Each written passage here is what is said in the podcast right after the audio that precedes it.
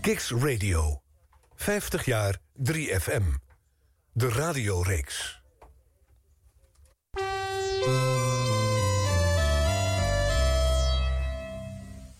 Kicks Radio. 50 jaar 3FM. De radioreeks.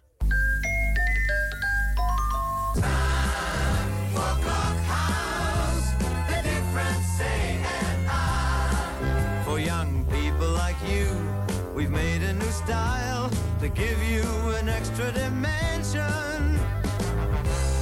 Time for Clockhouse, the different say and for the young and beautiful people. Clockhouse for say and 28, 29, 30. En schoon is mijn kunstgebit met Danklan. In 30 seconden met Danklan. Meneer Lieflang, gefeliciteerd. U bent vader geworden van een vijfling. Ah, fijn. Afijn, afijn, een borrel van Florijn. Hilversum 3. Woensdagavond, even na 7 uur. Tijd om radiogeschiedenis te schrijven. De Nationale Popzender is 50 jaar. En dat vieren we op Kix. Elke week met hoofdrolspelers van Hilversum 3, Radio 3, 3FM. Elke week met een ander jaar uit de roemruchte radiogeschiedenis... van de meest besproken zender van Nederland. 50 jaar 3FM, de radioreeks. Welkom bij Kicks Radio. Radio zoals je het nergens anders hoort. Online, mobiel en via DAB+. Kicks Radio. Please welcome Arjan Snijders.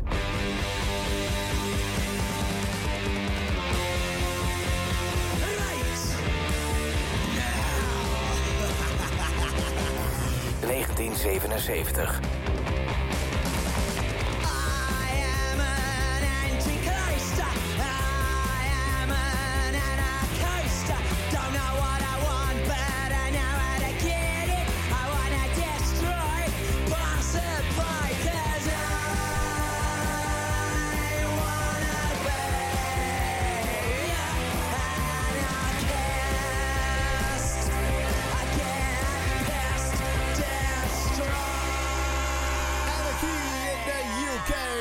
Sex Pistols.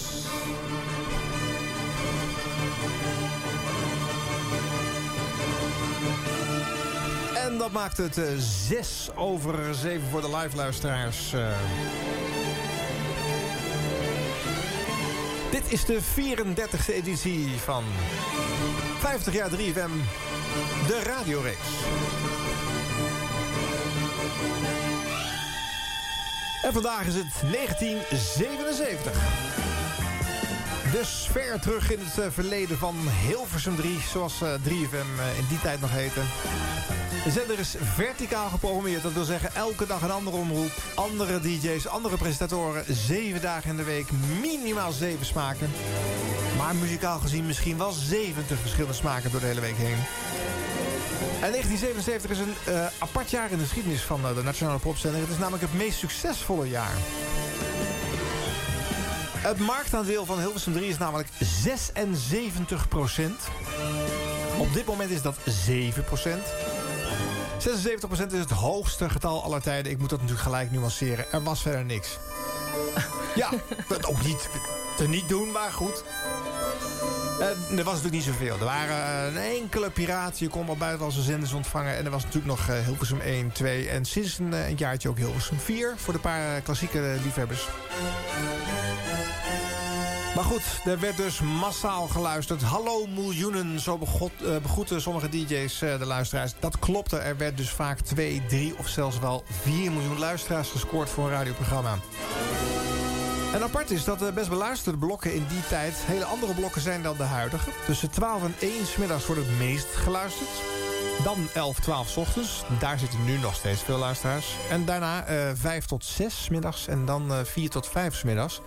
Terwijl de meeste luisteraars nu tussen 9 en 12 's ochtends worden gescoord. En tussen 2 en 4 's middags. Er is dus wat veranderd in Nederland. En de gemiddelde eh, leeftijdscategorie van Hilversum 3 is ook nog verrassend jong. Het gros bevindt zich tussen de 25 en de 35 jaar. En dan zul je denken, nou ja, zo jong is het toch nog niet. Maar de gemiddelde leeftijd is nu 37.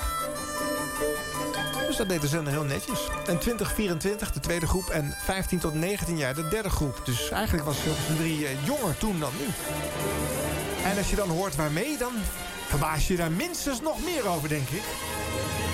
We lopen straks wel even door de programmagids en dan eh, kijken we even wat er eh, zoal werd uitgezonden, wat het best beluisterd was. Altijd leuk om eventjes eh, een beetje naar te kijken.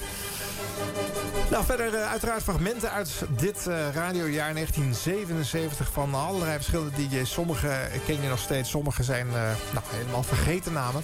En we hebben natuurlijk, zoals elke dag, in deze reeks een gast. En vandaag is dat Birgit Ganzut. Jee. Yay! Hallo Birgit. Hallo. Goed dat je er bent. Leuk Ja. dat je er bent. Ik vind het nu al leuk. Ja, vind je het nu al Ja, ik leuk? vind het nu al leuk. Kijk, we kunnen gewoon stoppen. Dat was een mooie ervaring. Dit zo. is het hoogtepunt eigenlijk. Nee, want we gaan nog fragmenten van jou eh, draaien. ja, Ja, ja, ja, want je dat was hebt... wel een dingetje. Maar... Ja, eh, zie je er een beetje tegenop? Nou, ik was 13 hè, in Ja. eh, 1977. Dus ik denk dat je zo meteen een ontzettend kinderachtig stemmetje gaat horen. Ja, stemmen worden over het algemeen niet zo heel veel ouder. En ik hoor nu al dat het niet zoveel verschilt. Dan ligt het hooguit in, eh, in wat je gezegd hebt. Of Ja. hoe je het gezegd hebt. ja, dat klinkt natuurlijk wel wat wijfelender. Dat zal ik maar gelijk eh, zeggen. Maar ja, dat kan niet anders natuurlijk. Hè. Maar een van de redenen dat je hier bent is namelijk... je was ontzettend jong toen je begon. Je was 12 toen je voor het eerst achter een microfoon mocht op Ja. Hilversum 3. Ja. En dat was toen het jongst. Dat was nog nooit eerder gebeurd. Nee, nee er was een, eh, de AVO had toen een hele goede jeugdafdeling... met hele goede programmamakers. En daar hebben ze dus eh, als eerste bedacht... dat je een jongerenprogramma misschien eens een keer... door een jongere moest laten presenteren. ja. dat kan je je nou niet meer voorstellen. Maar er werden dus jongerenprogramma's gemaakt. En die gingen over mensen van, van 12, 13 tot en met 18 jaar. En daar zaten dan eh, gezapige heren en dames achter de microfoon... te vertellen hoe dat eh, in de jongerenwereld aan toe ging. Ja. Dus ja, bizar Het eigenlijk. was eigenlijk vooral voor jongeren. En, en, en toen werd het ook door jongeren. Ja, Ja. We hebben wel eens een fragmentje gedraaid in de vorige aflevering. En dan hoor je echt, dat is bijna betuttelend wat er dan gezegd wordt. En dan ja worden dat ook is heel erg. Ja, Het is heel erg. die teenagers werden bijna ook gewoon eh, neerbuigend eh, toegesproken. Ja, ja. Oké, dus dat was een, eh, een verrassende move. Om nou eindelijk eens een keer gewoon iemand van de doelgroep, beoogde luistergroep, eh, zelf achter die microfoon te laten plaatsnemen. Het is eh, een paar keer daarna nog wel eens, in de, de jaren daarna nog wel eens vaker gedaan. Maar jij was toch het eerste? Dat is toch iets moois, hè? ja. Nou, die kan ik voor eeuwig op mijn ja, lijstje kan zetten, toch? niemand je meer afnemen. ik denk dat het beroemdste voorbeeld is hierna eh George Freulich. Die Ja. kwam zes jaar nadat jij startte. Ook Oh, als, ja, pas in Oh. 82 eh, kwam hij achter de, de NCRV-microfoon te zitten. Toen had hij ook nog niet de baard in de keel. Hè, een relevant verschil met Ik je- ook niet hoor, trouwens. Nee, het heeft heel lang geduurd George klinkt echt anders nu hoor. Dus als we daar oude fragmenten van uitzenden, dan lijkt dat er niet op. Eh, en die ging het eh, programma Tussenuur bij de NCV presenteren. En eh, dat was dus ook, nou ja, ook jonge stemmen. Ook zijn vriendje Ja. Peter Plezier kwam Ja, daar ja, ja. zonder lage stem nog bij in die tijd. En het trucje is nog wel eens vaker gedaan. Maar jij was toch echt de eerste. Dus, Ja. nou, later deze show daar wat fragmenten van. Van die uh, jonge programma's die je gemaakt hebt. En nou ja, ook wat, wat andere dingen uit dat jaar 1977. Heb jij überhaupt een associatie? Als ik zeg 1977, weet je dan iets? Nou, n- nee eigenlijk. Nee, Nee, het is zo lang geleden. Ik denk als ik nu dingen voorbij hoor komen... dat het dan het ene eh, oh ja en haha is. Maar Ja. ja. Nou, zal ik, ik heb niet echt zometeen niet dat ik roep van... oh ja, dat, dat, dat was het jaar dat ik huppelde pup. Nee. Nou, ik doe even een paar fragmenten van wat andere programmamakers. In eh, elke show eh, starten wij met een eh, kort stukje van het Wilhelmus... en dan de stem van Henk Mauer... die de station call, zoals dat nu heet, uitspreekt. Dat gebeurde vroeger op Hilversum 3. In de nachtelijke uren werd er namelijk niet uitgezonden. En als men dan om 7 uur s ochtends weer meende te beginnen... dan werd je kwartier van tevoren gewaarschuwd met deze pingel... dat het station er weer aan zat te komen. Diezelfde Henk Mauer was ook presentator bij de NCV... en presenteerde in 1977 onder andere het programma Popstation.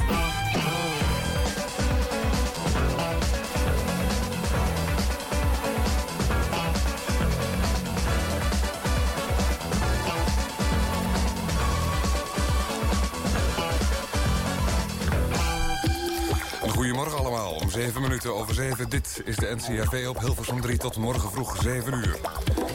En op het station bevinden zich Skip Voogd en Henk Mouwen. Voor het programma Popstation. En dit is de eerste. Singing in the Rain. Sheila en de Bee Devotion.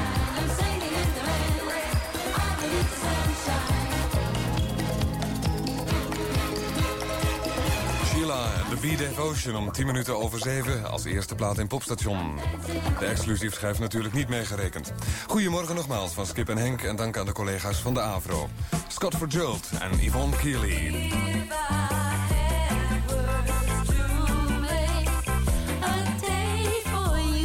Nou ja, nog een groot eh, hit uit dat jaar trouwens. Eh, maar goed, eh, een stukje Henk Mouwen dus. eh, ja, zijn stem is toch wel jonger. Bij hem wel. Ja, Ja. ja wat sneller.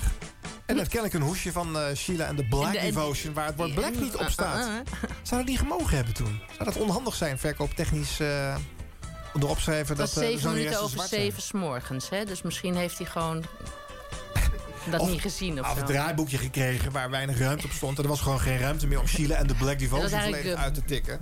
En Henk weet ook, ook niet wat hij aan het draaien is. Nee. Ah, Henk, je bent nog steeds welkom en je mag nog een keertje langskomen. Eh Peter van Dam, een eh, man die bij diverse omroepen op eh, Hilversum 3 heeft gepresenteerd. In 1977 zat hij bij de Tros en hij het programma Met Peter gaat het beter.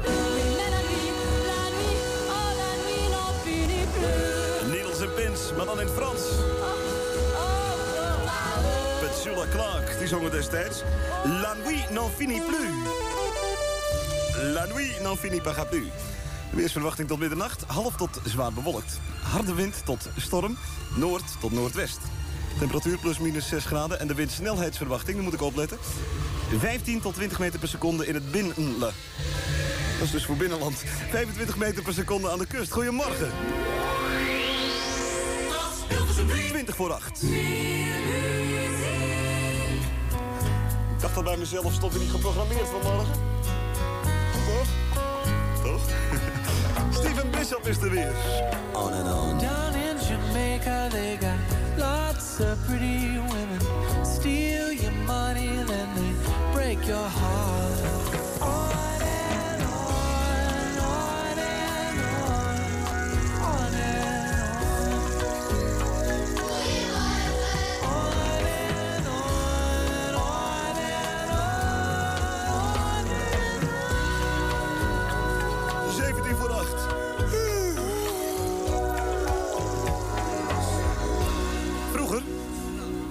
geleden dus, vroeger kwam ik nooit uit mijn bed voor het licht was. Tegenwoordig, nu ik bij de tros zit, moet ik eruit. Incognito.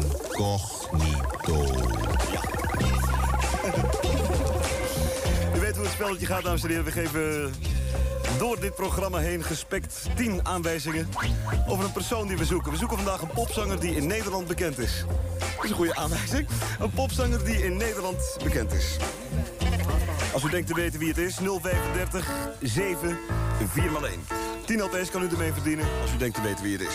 035 7 4 x 1 voor een popzanger bekend in Nederland. Komt er net een smurfje binnen? En Wendy Newman die zingt over smurfen. Luister maar naar Short People. Nou, wat een grapjes, hè? Bij die Peter van Dam. Met Peter gaat het beter uit 77, dus dan zit hij bij de Tros. Hij ging daarna bij de AVRO werken. Heeft ook nog voor de KRO op Hilversum 3 gepresenteerd. En had hiervoor bij Radio Miamigo, de piraat, eh, gewerkt. En dat hoor je nog een klein beetje in zijn stijl, als ik het zo hoor. Dan Felix Meurders. Ja, we hebben hem hier al een keer te gast gehad... en heel veel fragmenten van hem gedraaid. Maar in 1977 presteerde hij iets heel bijzonders... met het programma wat hij presenteerde. De Nationale Hitparade. De enige belangrijke eh, hitparade van Nederland op dat moment. En eh, de hitparade van de publieke omroep. Dat programma wordt in 1977 namelijk... het meest beluisterd in de Nederlandse radiogeschiedenis ooit. Er is een luisterdichterheid genoteerd van 31% bij een uitzending van de Nationale Hitparade. Dat is 31% van het land. Hè? Dat is dus echt 1 op de 3 Nederlanders. Niet die een toestel aan had. Nee, 1 op de 3 Nederlanders, punt. Ja, denkt u daar maar eens over na. Felix presteerde het met de Nationale Hitparade. Eén plaatswinst voor BZN op 5 Sevilla.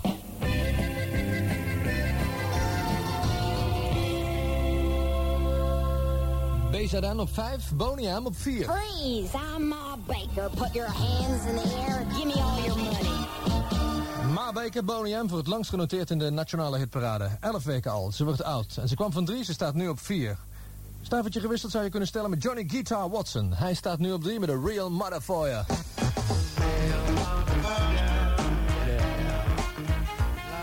Johnny Guitar Watson en A Real Mother For You. De eerste vangplaat die zo hoog komt in Nederland. Felicitaties. Op een tweede plaats blijven staan Mr. Walkie Talkie, Be My Boogie Woogie Baby.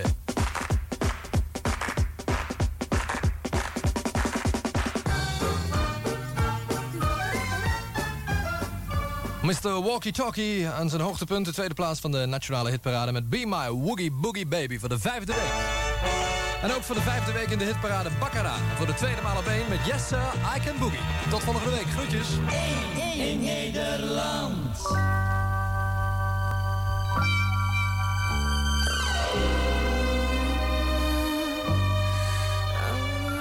50 jaar 3FM. Hilversum 3. De radioreeks.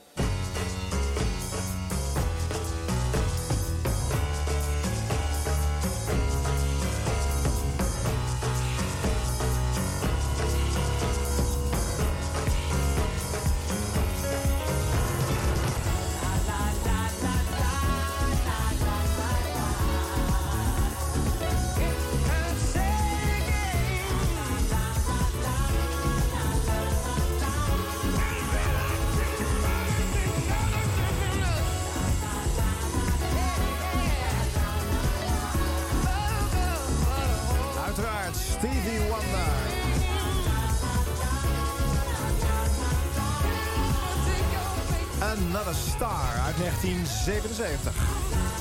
En ik zei het net eh, bij het fragment van Felix, de Nationale Hitparade... 31% luisterdichtheid in 1977. Dat jaar staat sowieso in eh, de recordboeken... want eh, de Europarade met Ferry Maat weet ook dat jaar 30% luisterdichtheid te scoren. En de arbeidsvitamine 29% luisterdichtheid. Ik zei het al, 1977 het best beluisterde jaar van de Nationale Popzender.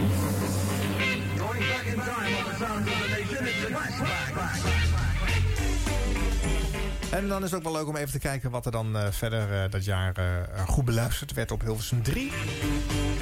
Nou, de Nationale Hitparade is ook het best beluisterd uiteraard van dat jaar. De Europarade, daarna de arbeidsvitamine. Dus muziek, muziek staat op 4. Gaan we met Willem Duis.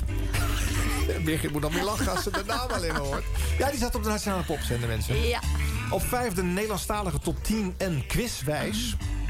Een programma met op... ja, een, van vrijdag van eh, 12 tot half 2 uitgezonden. Dan daaronder op 6 Kees van Zijtveld. Postbus 700. 3 tussen de middag met Hans van Willigenburg. Ook op 3. Avro Sportpanorama. En het programma 3 draait op verzoek Anne van Egmond. Oh ja. En Anne zit eh, over twee weken hier in de studio. Dus, eh, eh, dat zijn de best beluisterde titels eh, dat jaar. En als je dan op andere zenders moet kijken... ja, dan blijft er dus niet zoveel over. Dan kom je bij eh, Hilversum 1 uit... waar de arbeidsvitamine ook daar geprogrammeerd staan... en daar best eh, beluisterd zijn. Gevolgd door de toestand in de wereld. Maar dat was alleen maar omdat... op- GBA Hilteman. Ja, dat hij Ja. voor of na de arbeidsvitamine zat. Anders had hij dat niet gescoord. En dat het muzikale variatie op de zender heel groot is... dat blijkt uit de, de grote contrasten die we vinden in de fragmenten. En om dat weer even sterk aan te zetten... is altijd leuk. We hebben hem al één keer laten horen... maar ik doe toch weer een klein stukje van Bij Barend. Dat wil ik even laten horen. De NCRV op zaterdag. eh, gezellige meneer, een oude meneer met een petje op... en een geruit jasje aan. En dat klonk zo.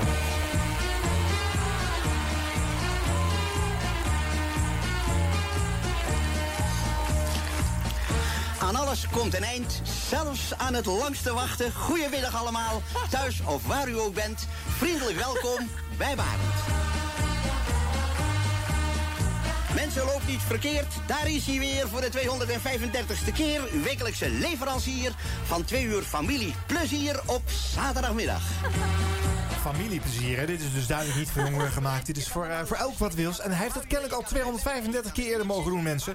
Maar eh, ik heb hem al een keertje eerder laten horen bij een ander eh, jaar. Dus ik houd hier even bij. Want wel leuk is dat er in 1977 in de, de Dik voor elkaar show... programma van André van Duin en Ferry de Groot... regelmatig parodieën zaten. Oftewel persiflages op programma's van Hilversum 3.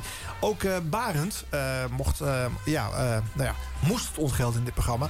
Misschien wel juist omdat de voor elkaar show ook bij de NCV werd uitgezonden. En ja, dan de Van Duin en de Groot hadden de gewoonte om vooral de eigen baas in de bek te schijten. Dus luister maar een stukje naar bij Barend zoals dat klinkt in de voor elkaar show. Nou ja, we zijn er weer ooit. Dat was er weer dat. En dan is het nu tijd voor de eerste herhaling.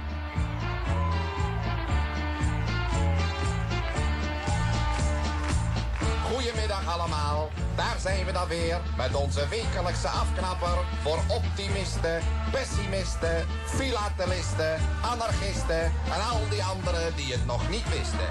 Dit is een programma, je kunt erbij huilen, je kunt erbij janken, je kunt erbij schreeuwen, je kunt erbij stampvoeten, je kunt er naar luisteren, je kunt het afzetten. Je kunt het afzetten. Even stil toch nooit, ik ben bezig met je. Je kunt er naar luisteren, je kunt het afzetten en je kan het toestel ook uit het raam gooien. Kortom, twee uur lang vriendelijk welkom bij Berend. Ja, bij hun heet het al bij Berend. Ja, je kunt het ook afzetten. Geweldig, hè. En dat dit soort truttigheid bepaald geen uitzondering was... laat ik nog heel even horen door de polderpopperade. Atje Roland, Atje Patatje dus, bij de Tros. Luister naar de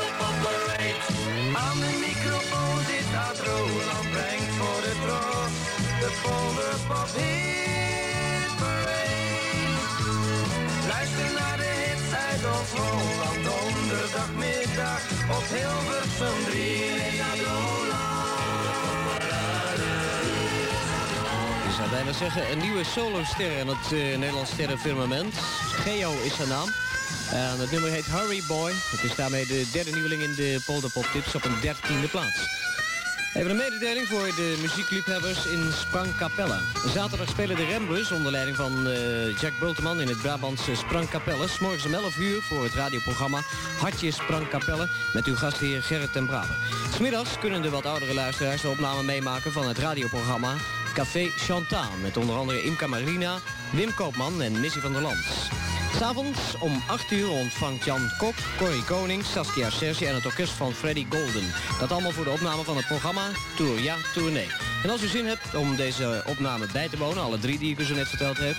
dan uh, bent u van harte welkom. De kaarten zijn gratis verkrijgbaar bij het cultureel centrum Ziddewinde in Sprangkapella. Dus voor zaterdag 26 februari aanstaande dus naar Sprangkapella. Toegekomen aan de zoveelste... Dit zijn de polderpoptips bij Ad Roland. Ik zei de zoveelste nieuweling. Nieuw, nieuw, nieuw. Later komt de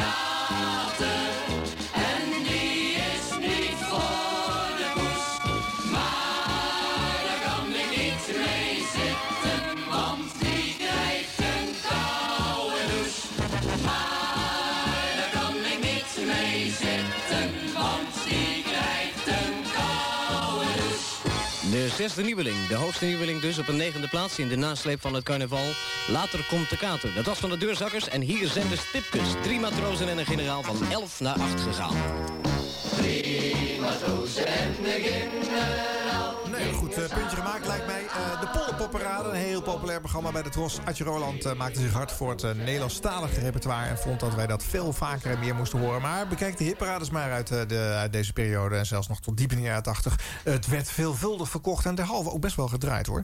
bij de Tros stonden ze ook heus wel eens muzikaal stil... bij andere dingen, zoals in 1977 de dood van Elvis Presley.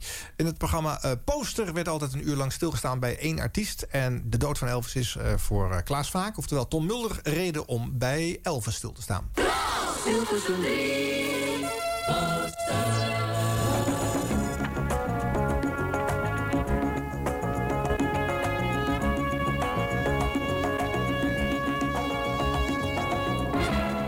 Dit is Klaas Vaak met de Elvis Presley Story. Het verhaal van de meest fascinerende showbusiness carrière in 13 delen... geproduceerd door Watermark Incorporated in Los Angeles. Vanavond het dertiende deel, het laatste hoofdstuk. This is the Elvis Presley Story. 1 uur, radio nieuwsdienst verzorgd door de AFP. In een ziekenhuis in Memphis in de Verenigde Staten is de rock'n'roll-zanger Elvis Presley overleden. Hij was 42 jaar. Elvis Presley leed aan een ademhalingsstoornis. Daarvoor was hij de afgelopen jaren al meer dan eens in een ziekenhuis opgenomen. Jay Bolen, WIEC, Memphis. Pandemonium is the only word for Elvis Presley Boulevard and uh, Graceland and the Mansion this afternoon as thousands of people lined uh, Elvis Presley Boulevard. They're lined up for blocks and blocks and blocks. They are now uh, and have been for the past 30 minutes allowing the public in to uh, view the body of Elvis Presley. Leider van de begrafenis, James Bruce. There were tremendous crowds on the uh, Elvis Presley Boulevard up to the gates of the cemetery. It was a private service at the, residence and also at the mausoleum. De stroom Elvis-platen die sinds zijn overlijden over de toonbanken gaat, zal nog lang niet stoppen.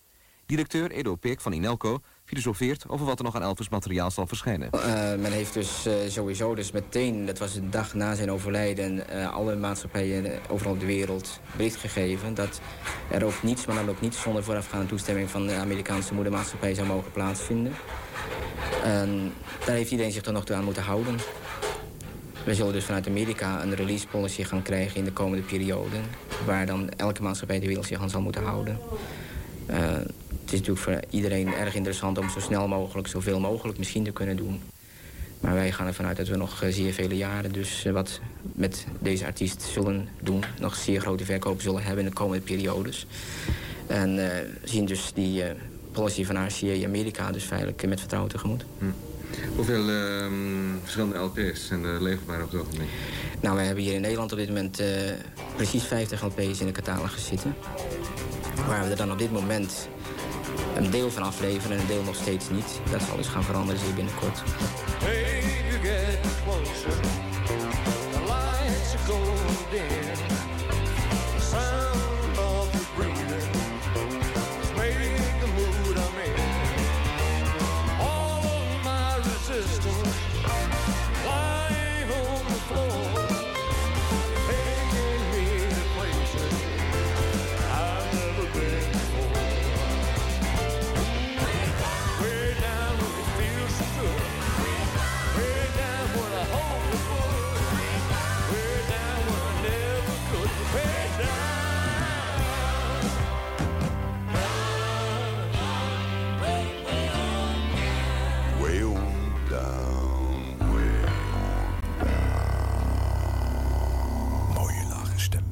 Elvis Presley, Way Down Now. Postuum werd dit een hit, omdat het ja, materiaal uh, op dat moment uh, beschikbaar was. Uh, was waarschijnlijk onopgemerkt voorbij gegaan als Elvis niet was overleden.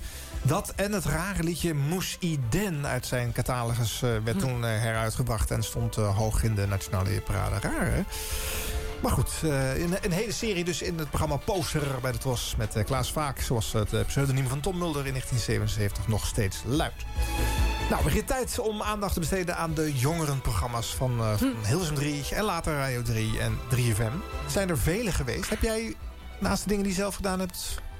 er eentje paraat uit je hoofd? Mm, ik weet uh, de belisjes. Uh -huh. um, en daar val ik ook eigenlijk uh, meteen uh, heel erg stil, ja. zeg maar. Nou, dat is ook de eerste die mij steeds in mijn hoofd schiet, hoor.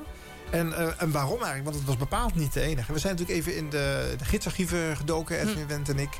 En uh, de naam Jongere Show wordt al vaker gebruikt, hoor. Jonge Magazine zien wij al staan bij het uh, programma Zorro... wat in 1967 wordt gepresenteerd door Herman Stok. Maar ja, dat is niet echt een jongerenprogramma. Natuurlijk, het is voor jongeren, maar dat was meer... omdat de rest van de programmering bepaald niet voor jongeren te noemen viel. Je kreeg in 1974 op de zaterdagavond bij de NCV het programma Filter. En dat heet een jongerenprogramma te zijn. En op de maandagavond de VPRO-programma Tilt. Wordt ook een jongerenmagazine genoemd. Jij kijkt zeg me allemaal niks, nee. werkelijk waar. Ah ja, toen was jij 74. Was uh, ik tien. Uh, ja, toen was ik tien. Ja. En toen luisterde je niet massaal naar alle programma's nee. van Hilversum 3. Wel nee. Had je überhaupt wat met radio? Wel nee. Nee? nee, ik ben echt een, via een heel rare omweg bij de radio terechtgekomen. Okay. En dat heb ik later nog heel vaak moeten uitleggen aan... Uh, ik heb uiteindelijk...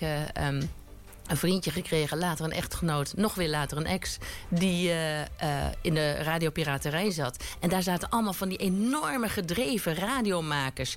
En ik was dus echt, ik was uit de bibliotheek geplukt...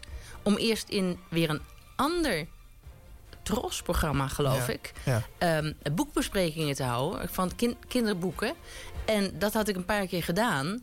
En toen kwam de AVRO met het idee van... we gaan een jongerenprogramma doen en dat gaan we laten presenteren... door een meisje dat in Hilversum woont... en dat net naar de brugklas gaat. Ja. Dus ik ben eigenlijk een beetje zo die radio binnengerold... en dat was wel leuk. Ja. Te, en volgens mij hebben mensen mij ook echt gehaat... die ergens in Groningen of Limburg enorme zaten te hopen dat ze ooit in Hilversum terecht zouden komen. En daar zat die muts van een Birgit. Die, zat gewoon, die kwam gewoon binnen. Die kreeg gewoon de schoot geworpen. Ja, en, uh, terwijl ze niet ja. de hele kindertijd al had besteed aan Nee. het spelen met zendertjes. Absoluut en het uh, niet. uitpluizen van niet. schemaatjes. En... Nee, nee, maar ik was uitgekozen Mhm. vanwege mijn vlotte babbel. Kijk, niet onbelangrijk hè, op de radio. Ja, nee, precies. En die had ik natuurlijk wel paraat. Ook al toen ik uh, tien was, zeg Ja. maar. Ja. Ja.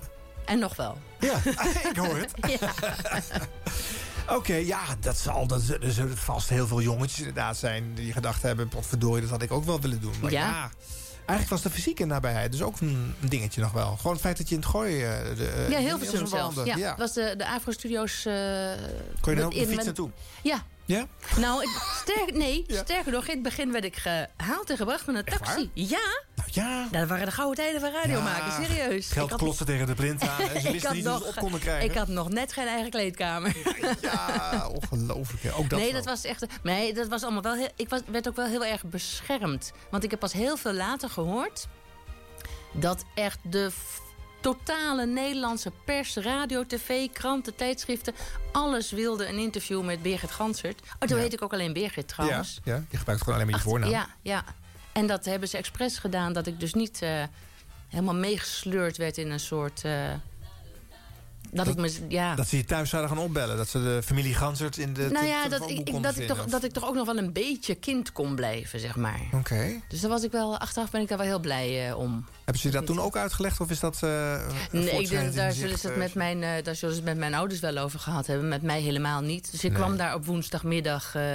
in eerste instantie woensdagmiddag namen we het op. Ja, En pas later live op, eh, op maandagavond. ja. En ik weet wel dat er een paar keer ook die woensdagmiddag... dat ik het er behoorlijk vervelend vond dat ik weer naar de AVRO moest. Want Oh er, ja? was, nee, er lag er bijvoorbeeld sneeuw. Ja. En dan wilde ik naar Annesoever, dan wilde ik gaan sleeën. Ja. Maar dan moest ik, eh, dan moest ik werken. Wat verdorie zeg. Ja, dat is, dat is raar natuurlijk. Ja. hè? Ja, en, en, en, en, en klasgenootjes, gingen, gingen die luisteren? Had je het gevoel dat die ermee bezig waren? Of? Ehm, nee, wat de, de, de truc was zeg maar dat ze eh, iemand wilde hebben die net naar de brugklas ging. Dus Ja. het, waren allemaal, ik had niet echt. Natuurlijk, het was natuurlijk een nieuw samengestelde klas. Ik had al een paar klasgenoten van, van de oude Oh, ja, basisschool. Maar eigenlijk was het was een heel nieuwe groep waar je in terecht kwam. Ja, ik weet niet hoor, maar. Het kwam niet in mij op om nou als eerste naar binnen te lopen in die klas. van, zeg, weten jullie trouwens dat ik bij de radio werk? Dat nee, is- natuurlijk zo ging niet. het dan Juist niet, toch? Dat zeg je stiekem nog niet, denk nee, ik. eh. Nee, nee. Maar toen dat natuurlijk helemaal live op Radio 3 was, Hilversum 3 was, toen Ja. eh, werd dat al vrij snel eh, bekend. Ja, oké. Nou ja, goed. Eh, het bijzonder was het even goed natuurlijk. Dus eh, eh, daar moet je later alsnog wel over aangesproken zijn... door allerlei eh Ja. leeftijdsgenoten. Ja. Tot op de dag van vandaag gewoon. Tot, ja, ja. Ja, serieus. Word je nog steeds herkend? Ik ben al twintig jaar weg bij de omroep. Ja. Maar, En nog eh, steeds? ja, ja. Maar het grappige is dat nu mensen ehm, iets hebben van... ja, ik ken jou ergens van, maar ik weet het niet precies meer. En dan gaan ze allemaal dingen bij verzinnen. En ik, heb echt, ik krijg zo van die hilarische vragen. Dat ze dan zeggen van... heb jij op de kraamvrouwenopleiding in Groningen gezeten? Nou, ever, never nooit, hè? Nee, nee.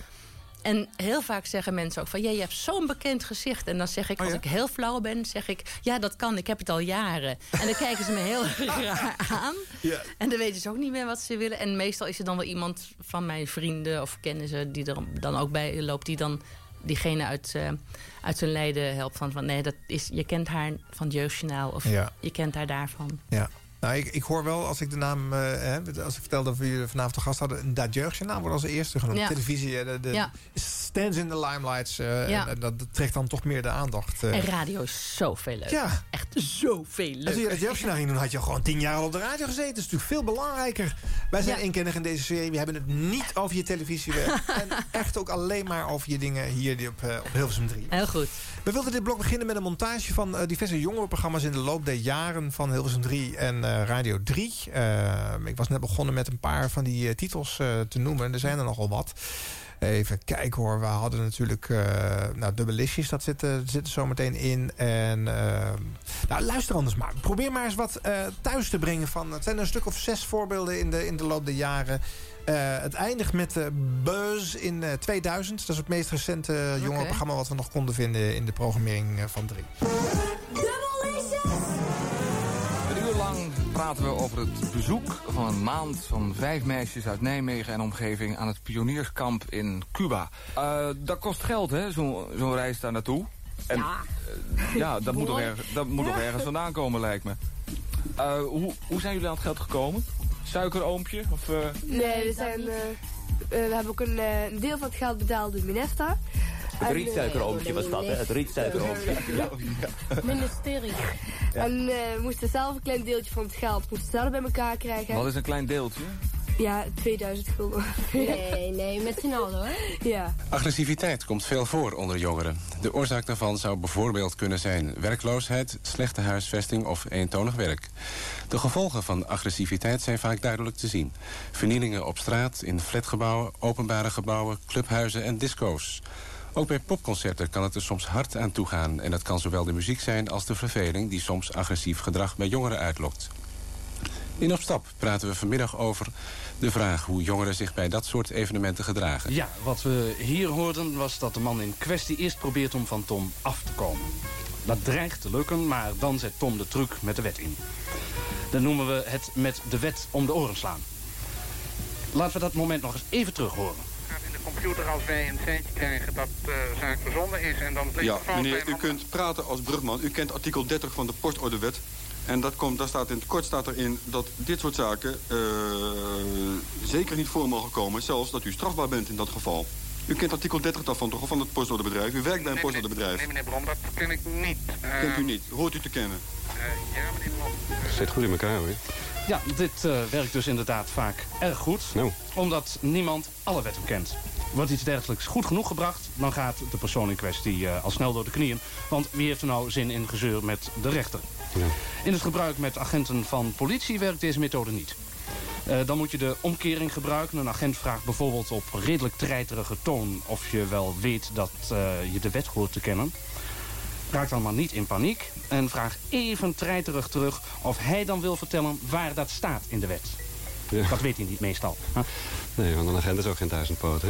Gelukkig niet. Zit goed in elkaar, die cursus, zeg. Fantastisch. Ja. Allemaal zelf bedacht. Eh, u krijgt de declaraties nog thuis, meneer Wijnands. Het gaat over seks, studie, mode en uitgaan. Je hoort de nieuwste muziek.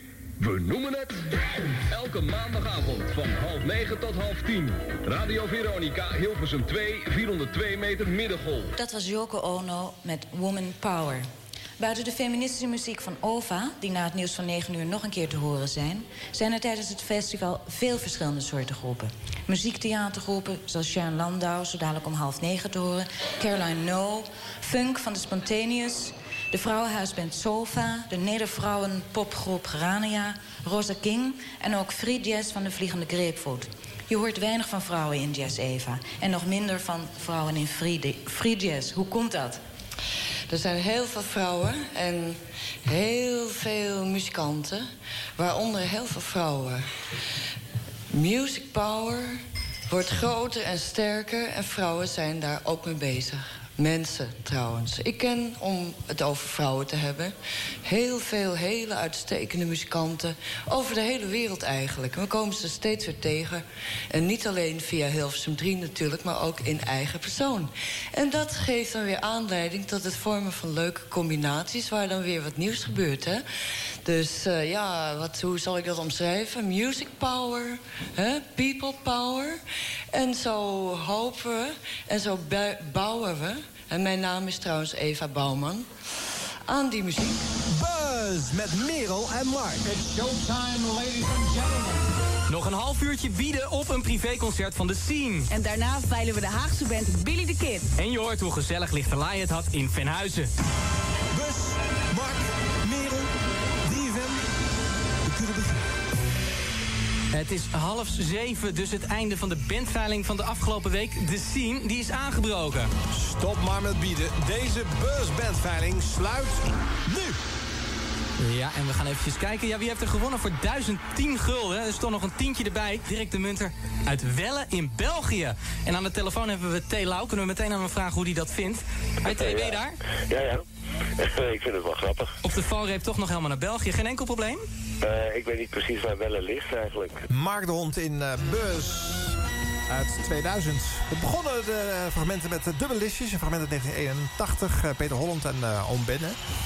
Op stap uit 1980 met eh, Job Boot, dat werd bij de NCV uitgezonden. Rauwfazer uit 1979. Oh ja. De KRO. Ja, misschien meer een programma over zaken waar ook jongeren mee bezig waren. Zoals kraken, demonstreren. En, en, en, en met, met sketches werd dit ook een beetje aangezet allemaal. Dus eh, Trend, een promo van het programma wat eh, Veronica voor jongeren maakte. Maar gek genoeg niet programmeerde op de jongeren. Nee, middengolf. Ja, ze zetten het op Hilversum Hoe dom kun je 5 zijn? en Hilversum 2. Daar heeft het gestaan, niet op 3. Ja. was het 84 eh, waar we Jeroen van Inkel reclame voor hoorden maken. En het programma Popdonderer ging eh, uit 1978 eh, over het Vrouwenfestival. We hoorden onder andere de stem van eh, Hedy Dancona. Uitermate enthousiast hoor. Het was heel leuk om... Ja, ik kreeg er echt zin van om daar naartoe Ja, te gaan. het enthousiasme spetterde er vanaf. En dan hebben we nog programma's als Oorkussen van de VPRO overgeslagen. Tussenuur met uh, en Peter zat hier niet in de Stennis. Bas Westerwil en Gijs Klunder is er nog geweest bij de AVRO. Het Hof van Eden, Caroline Huber bij de VARA. Ronduit op drie, heette ook een jongerenprogramma te zijn. Jan van der Bos, dat was een EO-programma. Muziek en informatie voor jongeren. Maar je snapt wel wat voor informatie dat dan was. Paperclip was nog het eh, jongerenprogramma wat de NCV ook nog jaar heeft gemaakt... toen tussenuren was gestopt. En eh, Forza, het, eh, denk ik, één na laatste specifieke jongerenprogramma... wat op drie zat. Het was bij de AVRO begin jaren negentig... met in die tijd Jessica Broekhuis en Niek Montanus als presentatoren. Nou, dat is het rijtje waar jouw programma ook bij hoort. Ja. Ja. Ja. Nou, als ik het zo eens terug hoor, denk ik... "Mwah, volgens mij eh, komen we er wel aardig eh, weg met wat wij toen deden. Durf je het al aan? nou, doe maar dan. Uit 1977, eh, de eerste uitzending van Praatpaal 15. eh. Ja. Ja, dus dan was je 13 hè, hier. Zeven, was ik 13, ja. Nou, daar gaan we dan. De volgende. Het nieuwe programma lijkt me het einde, of juist het begin. Ik weet nog wel een paar onderwerpen. Misschien zullen de meeste al genoemd zijn, maar ik schrijf ze toch allemaal op. Dubbele punt. Seks, problemen met de puberteit, lichamelijk, streepje geestelijk. Roken, ervan afkomen of eraan beginnen. Drank, sterke drank, bier, cola met een tik enzovoorts. Drugs, kijk daar heb je weer. Verkering, wanneer ga je met iemand naar bed bijvoorbeeld. Nou ja, dat kunnen wij natuurlijk ook niet duidelijke richtlijnen voor geven, maar goed. En hoe krijg je verkering enzovoorts. Uitgaan, vrienden of vriendinnen maken, rassendiscriminatie, Surinamers, Zuid-Molukkers. Bij wie wil of moet je blijven als je ouders op het punt staan om te scheiden?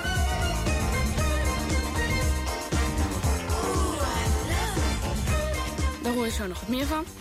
Eh, de laatste. Ik vind onderwerpen als seks, drugs, roken en alcohol ook goede onderwerpen voor het nieuwe programma. Maar ook het opkomen voor je eigen mening, bang zijn, alleen naar een café gaan, eenzaamheid en moeilijk contact krijgen. Ja, dit waren zomaar wat eh, potentiële onderwerpen... die Ja. jij in het eh, programma Praatpaal 15 eh, wilde gaan behandelen... in de, Ja. in de nou ja, maanden die hierna zouden komen. Nou ja, ik, dat kwam dus via de luisteraars. Ja, precies. Die hebben Oh, dat- dus, die hebben het ingestuurd. Ja, ja, ja. Ja. ja. Ah, wat leuk. Oh, wat leuk. Ja. ja. Ja. Ik was best op dreef, vond ik. Ja, dit ging wel rap, hè? Met die Quincy. Jones muziek Ja, man. door. ja, Je- zat er weer in, hè? Ja. Eh, seks en relaties zal het meest gescoord hebben, denk ik toch? Bij de jonge briefinzenders. Ja, ja. Nou ja. Ja. En de, de, de truc was natuurlijk ook, en zo was de pro. Dat weet eigenlijk bijna niemand. Maar eh, het was ook zo dat ik. eh, ik zat dus in een hele grote eh, studio 1 eh, bij, bij de Afro. Dat zijn enorme dingen. Daar kunnen hele orkesten in en Ja. zo. Alleen we hadden dus een klein tafeltje neergezet. En dan hadden we twee schemerlampjes. En daar zat ik eigenlijk koptelefoontje op. En dan in de, in de regie zat de technicus en de regisseur. Ja. En dat was eigenlijk om eenzelfde soort sfeer te creëren als de luisteraars. Ja. Want die zaten waarschijnlijk op hun kamertje, lang uitliggend op bed, met een schemerlampje aan eh, naar de radio te luisteren. Want je wou Ja. natuurlijk absoluut niet dat je ouders hoorden waar het allemaal over ging. Nee, Dat deur op slot en, eh en wegwezen. Want dit is natuurlijk ver voor eh, social media en andere manieren Ja, om man. allereerst aan Ja. alle informatie te komen. En eh, ten tweede om Ja. alles al te delen met eh, iedereen. Dit was vrijwel de enige plek waar je over dit soort onderwerpen kon praten. En op de radio ging het daar verder niet over. De DJ's waren allemaal ho, ho, ho, ho, snelle plaatjesdraaiers. En die gingen het echt niet over dit soort zaken hebben. Nee, want dit was echt over wat je, wat je als, als puber als jongere gewoon bezig hield. En waarvan je ook... Ja, weet je, nu ga je iets eh, googlen en, en dan heb je het eh, zo gevonden. Maar dat, dat, dat hadden wij dus niet, hè? Nee, nee, precies. Wij konden helemaal niet aan informatie. Ik weet een heleboel dingen nog steeds niet. Had ik toen willen opzoeken, maar ja, is niet van Er is gekomen. niet van gekomen. Ja, je, je, je hebt alleen maar kennis vergaard van de onderwerpen die daadwerkelijk zijn eh, langsgekomen. In die, eh, Ja, ja want als we, als we het in de uitzending hebben gehad, dan weet ik er iets vanaf. Maar anders helemaal niet. Ja. Voor de record, het eerste wat je deed, toen heette het nog 13 speciaal, hè? zo is het Ja. begonnen.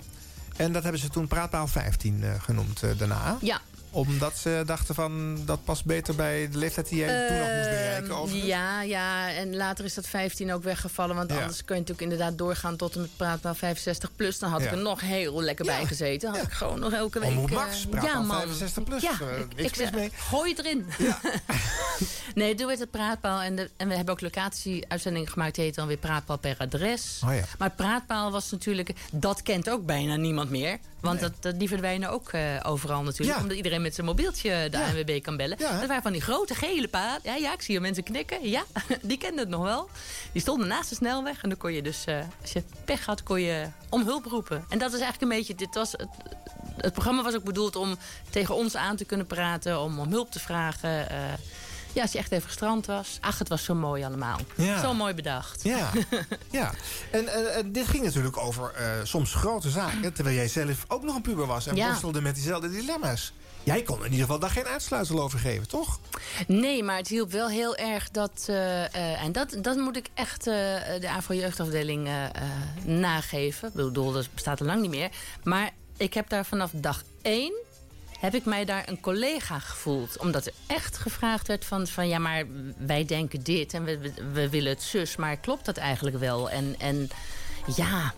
Zeg je dat wel zo? En Ah, zijn ja. jullie daar wel mee bezig? Ja. En ik heb ook echt wel gewoon dingen gezegd van... Nou, onzin. Ja. En daar werd dan ook naar geluisterd. Dat was heel... eh, ja, dat vond ik wel bijzonder. Ja, dat is mooi. Ja. Nou, zullen we nog een stukje luisteren uit die eh, eerste Prapo 15? Uit Ja.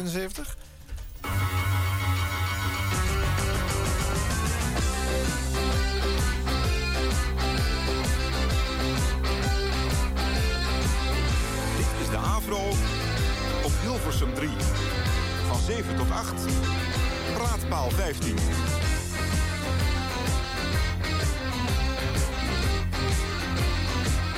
Productie Praatpaal 15 Jos Arnoudsen en Boudewijn Klap.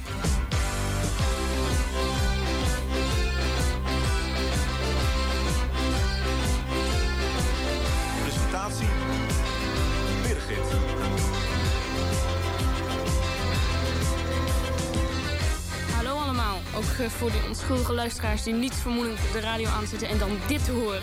Dit is dus de allereerste Praatpaal 15, de opvolger van 13 Speciaal. Niet veel veranderd, zelfde tijd, zelfde week, zelfde zender, zelfde uur, zelfde studio en dezelfde mensen. Nog even over wat eh, Frits Spits daarnet zei. Op 25 juni heeft hij gezegd, toen ik eh, wegging met 13 van 13 Speciaal... ik zal haar missen. Nou, om eerlijk te zijn, aan het programma was het wel een beetje te merken... en we hoopten maar dat je het uit kon houden tot vandaag. En het blijkt goed zijn gegaan. Het is dus toch een nieuw programma. Het gaat ook meer voor een, eh, grote, voor een hogere leeftijd. Een nieuwe tune, zoals jullie wel opgemerkt zullen hebben. En in de loop van de uitzending hoor je meer over de onderwerpen van de komende jaren.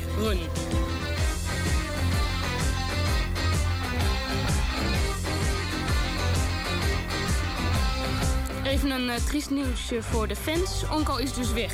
Voorgoed. Ook nieuw is het bellen tot half 11.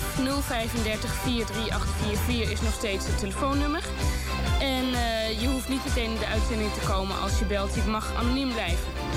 Lisbeth, Hetty, Jan, Jetske en Paula reageren op jullie onderwerpen, ideeën voor het nieuwe programma's of over jullie eigen eh, probleempjes. Dus 035 43844.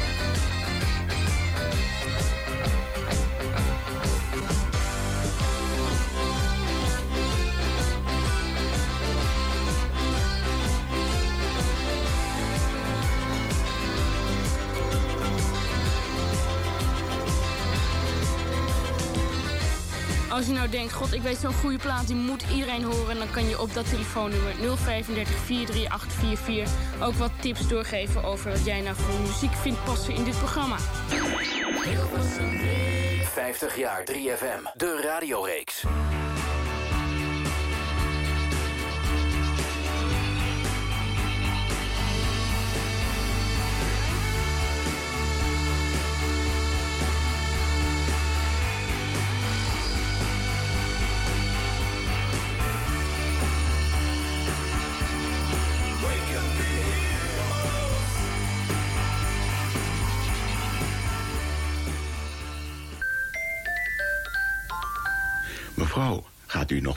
Doen? Dan even dit. Er bestaat een gulden reuzenpot korrel oploskoffie. Korrelopploskoffie van Canis en Gunnik. Goede kwaliteit en waarachtig niet duur. De gulden reuzenpot van Canis en Gunnik. Moest u toch even weten, nietwaar? Als je verse sla wilt eten, moet ze op zijn lekkerst zijn. Daarom moet u niet vergeten, Calvé slaasaus hoort erbij. Calvé slaasaus is de allerbeste slaasaus die er is. Daarmee smaakt uw sla zo lekker zacht en fris. Slaasaus van Calvé. Prozet haarspray verstuift haar fijn. Dat is fijn voor haar. Dat is ook fijn voor uw haar. Verzorgerkapsel op zijn best. Prozet hairspray. Iedere woensdagavond van 7 tot 9 op Kiks viert Arjan Snijders het 50-jarig jubileum van onze grote broer 3FM. Met elke week een ander jaar dat centraal staat, unieke fragmenten en een radioheld van toen in de studio. De hoogste nieuwe. Alle shows zijn te checken als podcast op kiksradio.nl. En er is ook het boek van Arjan Snijders, 50 jaar 3FM. Van vrolijke puinhoop naar Serious Radio. De radiobijbel en must-have voor elke muziekliefhebber. Vol met radiogidsen uit alle jaren, top 10 lijstjes en unieke anekdotes. Het boek met meer dan anderhalve kilo radiogeschiedenis is nu te koop op 50jaar3fm.nl. Welkom bij Kicks Radio. Radio zoals je het nergens anders hoort. Online, mobiel en via DAB+. Kicks Radio. Please welcome Arjan Snijders.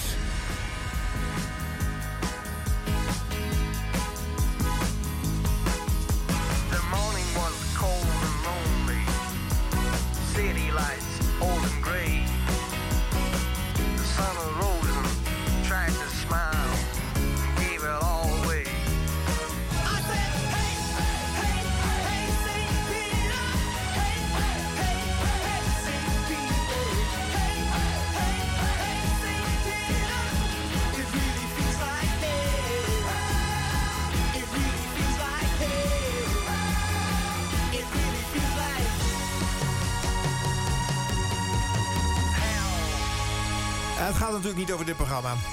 Hey St. Peter, Flash and the Pan. Brengt ons in uur 2 over 1977. Ja, eh, muzikaal gezien eh, putten wij natuurlijk ook uit dat jaar. En dan is het altijd leuk om heel even te kijken... wat was er dan eh, commercieel het, het meest populair dat jaar. De top 5 van de Nationale Hitparade in 1977. Dan vinden we Supertramp op 5, Give a Little Bit.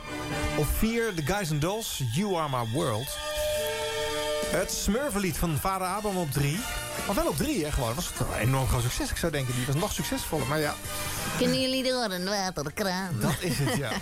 Groot internationaal succes hè, in allerlei talen. Maar Baker van Boney M op 2. En de nummer 1 die draaien we straks nog. Long Tall Ernie and the Shakers. Do You Remember? Een medley aan rock'n'roll classics uit de 50s en early 60s. Uh, de zoveelste revival van de rock'n'roll. En de populariteitspols van dat jaar ook altijd leuk om te kijken. In de Muziek Express. Wat werd er daar eh, door de, eh, en in de hitkrant door de lezers als populairste aangevinkt bij de rubriek Beste Radiostation. Nou, ha, u raadt het al. Hilversum 3. Nee. Nou zeg. Eh, vanwege gebrek aan concurrentie eh, verdwijnt deze rubriek hierna vele jaren uit eh, de tienerbladen. Want ja, er valt niks meer te meten natuurlijk. Tot er midden jaren 80 voor het eerst weer wat commerciële concurrentie vanuit het buitenland aankomt zeilen. En dan pas wordt het weer interessant. Beste radioprogramma's in die zin nog wel leuk. Op één staat, en dat is een verrassing, Betonuur. Alfred Lagarde bij de Oh, ja. VARA bracht harde muziek. Smiddags van harde, zei hij ook over dat eh, programma. En eh, dan wel verrassend dat hij met die muziekselectie... gewoon het meest populaire programma van Nederland maakt. De Nederlandse top 40 komt erachteraan uh, van Veronica. Lex Harding presenteert dat op de vrijdagavond weggestopt in één uurtje... want Veronica had niet meer zendtijd. En op drie Super Clean Dream Machine. Ad Visser doet vaak ja. met eh, symfonische muziek. Nationale Parade op 4 en Spitsbeeld op 5. Het programma wat Frits Spits dan maakt voor de NOS. En beste discjockey ook wel leuk. is ook weer Alfred Lagarde.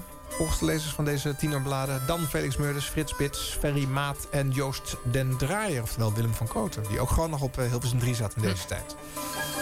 Zegt het jou iets? Luisterde jij een beetje naar de rest van de zender? Of was het toch een beetje... Nou, in 77 niet zo heel veel hoor. Nee? Ik was, nee, ik was 13. Ik zat net op de middelbare school. Ik had hele andere Hele andere- Ja, ja. Nee, ik was echt eh, enorm mutserig, maar ik was er meer van het lezen dan van het radio eh, luisteren. Oké. En nog steeds. En dat eigenlijk. veranderde niet toen jij daar ging werken. Maar toen was je gewoon alleen maar met Nee. dat programma bezig. En dat was het gewoon. Ja, dat is echt later pas eh, toen ik een jaar of 18, 19 was. Toen ben ik ook meer dingen gaan doen. Ging ik, ging ik ook zelf interviews maken. Ging ik eh, regie, productie doen enzovoorts. En eh, het land in met mijn eh, kerstverse 100 jaar oude minietje. Ja. Drie keer remmen, dan deed hij het. maar ehm, nee, dat- dat- toen ik 13 was, nee, nee, helemaal niet. Nee. Nee. Ja, erg hè, dat je dat gewoon, dat je er gewoon echt totaal, totaal blanco daar zit en maar gewoon maar wat doet. En Ja, dat, dat heeft ook zijn voordelen gehad natuurlijk. Want Ja. jij, was er, jij was fris en fruitig. Zoals de eh, gemiddelde luisteraar dat ook ja, geweest zal ja, zijn. Ja, daar Die kwam ik mooi mee weg. Die heeft ook geen schema's eh, van Nederlands 3 uit zijn hoofd Nee. geleerd waarschijnlijk. hè, Behalve natuurlijk de freaks als eh, Edwin en ik. zijn, gelukkig weten wij de uitzondering op de regel. Wat vonden je ouders eigenlijk van het programma?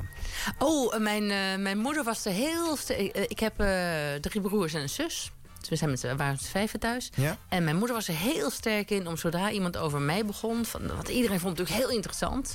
Dan ging ze altijd eh, dwars er doorheen met een opmerking van... wat mijn broer had gedaan. Of wat, mijn- wat mijn zusje zo goed piano kon spelen. Oh, om die vrouw niet tekort te doen Ja, natuurlijk. precies. En op een gegeven Netjes. moment... Ik weet nog wel, dat, eh, dat heeft ze me later verteld. Wij hadden een uitzending over... ehm, een hele maand geloof ik... over eh, voor de eerste keer ongesteld worden. Waar natuurlijk ook totaal geen enkele informatie over te vinden was. En eh, toen kwam mijn moeder thuis van de werk. En toen zaten mijn twee oudere broers in de keuken met de radio aan. En die zaten zich werkelijk te bescheuren samen... over dat achterlijke programma van dat zusje van hun. ja. En later heeft mijn moeder verteld van nou, toen dacht ik dat dat zit dus wel goed. Het is geen haat en nijd en enorme jaloezie. En ze hebben alleen zoiets van, eh, nou ja, moet je die grieten hoor, joh, belachelijk. Oh, jij praatte daar wel over onderwerpen waar je misschien met je ouders niet zelf over zou gaan Ja, praten. absoluut niet zelfs. Nee. Over ongesteld zijn vast ook niet Nee, heel veel. dus, nee, eh, nee, nee, nee, nee, Is dat nee, had nee. iets raars, toch? Zat het in je achterhoofd van, oh, als mijn moeder dit maar niet hoort? Of, eh? Nee. Nee?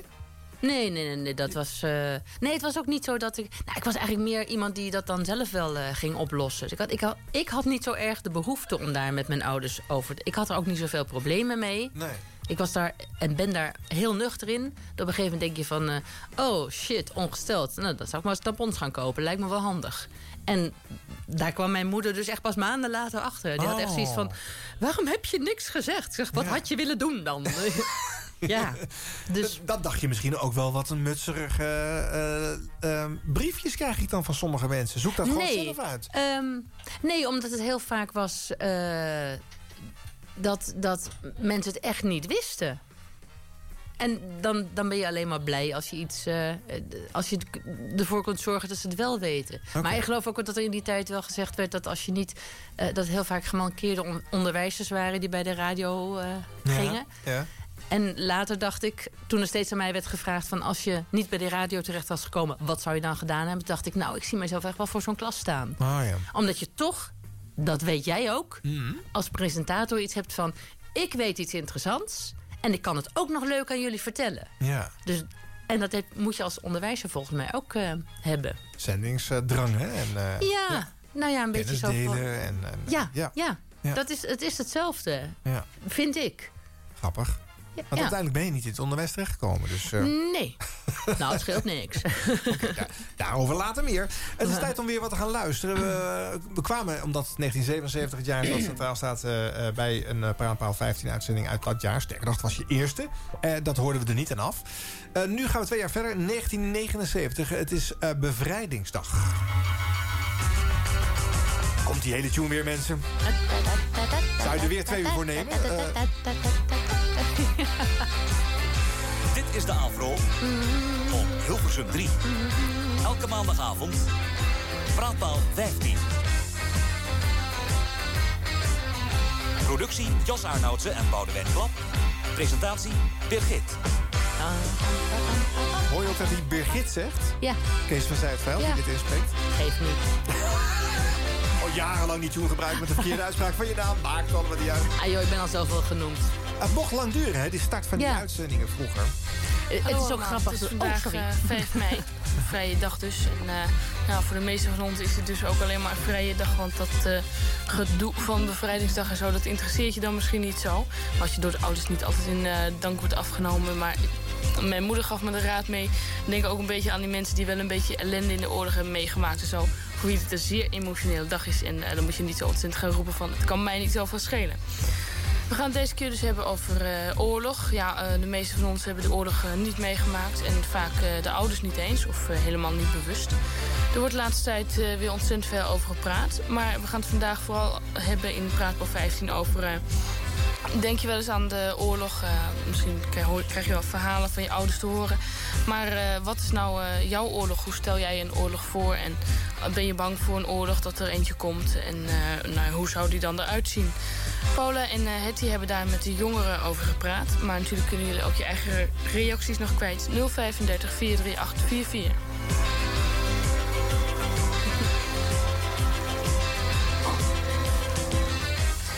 We draaien vandaag muziek van eh, Squeeze. En eh, hoe die LP heet, dat weet ik eigenlijk niet. Misschien eh, Argy Barky, maar het kan ook Archie Bar zijn. Maar ik vind Argy Barky leuker klinken, dus dat zeg ik maar. We beginnen met Another Nail in My Heart.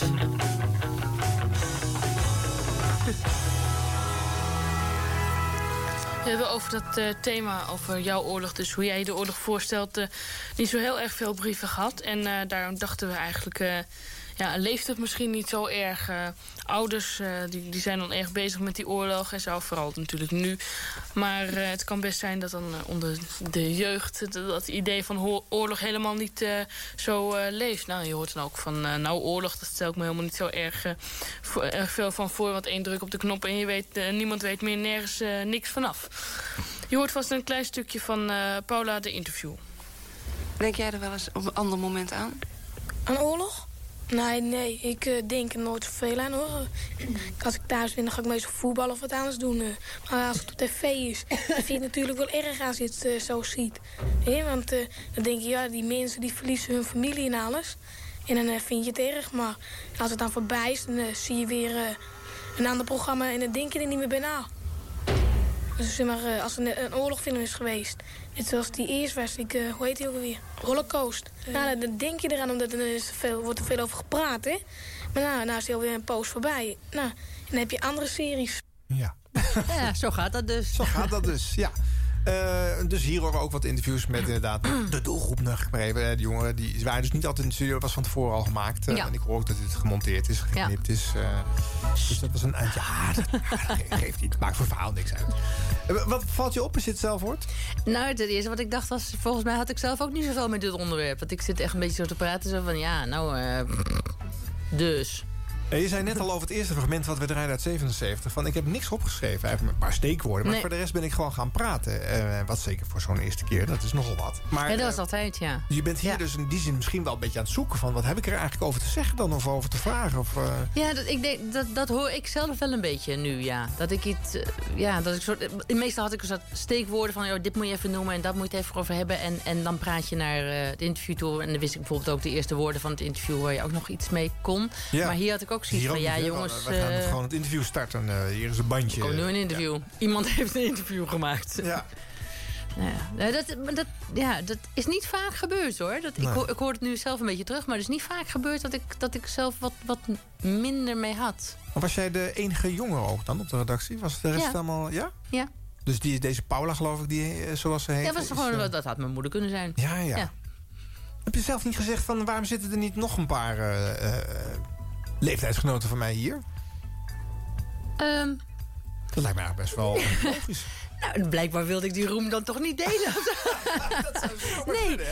Eh, nee, maar het was ook natuurlijk... ehm, de, de redactie was daar wel de hele week mee aan het werk. En ik kwam eigenlijk in het begin alleen pas op, op maandagavond, maandagmiddag. En dan hadden we nog een soort redactievergaderingetje van... nou, het is eh, zo zo geworden en eh, hier moeten we aan denken. Dat is naar voren gekomen enzovoort. En echt om, om één minuut voor zeven gingen we de studio in. Ja. En dan, eh, dan begonnen we gewoon. Het, was niet, het lijkt niet zo heel erg voorbereid, dat was het wel. Alleen ik was niet zo erg... Ja, De redactie niet- was er al druk mee geweest. Ja, je zou Ja. eigenlijk in een gespreid bedje hebben moeten landen. eh, maar dan hadden ze hier ook wel wat spannende aankondigingen bij kunnen bedenken. eh. Ja, maar dat deden ze dan weer niet, omdat het dan weer niet mijn woorden waren. hè? Oh, Ook niet ja. mijn teksten. En dat ging ik ook. En ik was ook dan wel zo brutaal dat ik dat ook niet ging zeggen. Oh nee, precies. Dat is, dat is ook ja. wel gebeurd. Dat ze een tekstje voor me op gingen schrijven. Van ja, maar dat ga ik niet zeggen. Ik dacht ook nog wel, ik eh, het is 1979, de Koude Oorlog komt er weer aan. Die, die tijdsgeest over de vrees over een, een, een neutronenbom. En, en- het Ja. wordt wel aan gerefereerd. Totdat maar de één- bom valt. Je hoeft maar één druk op de knop en de hele wereld Ja, is er aan. Dat zou dus eigenlijk wel een heel sprekend onderwerp kunnen zijn op zich voor die Ja. tijd.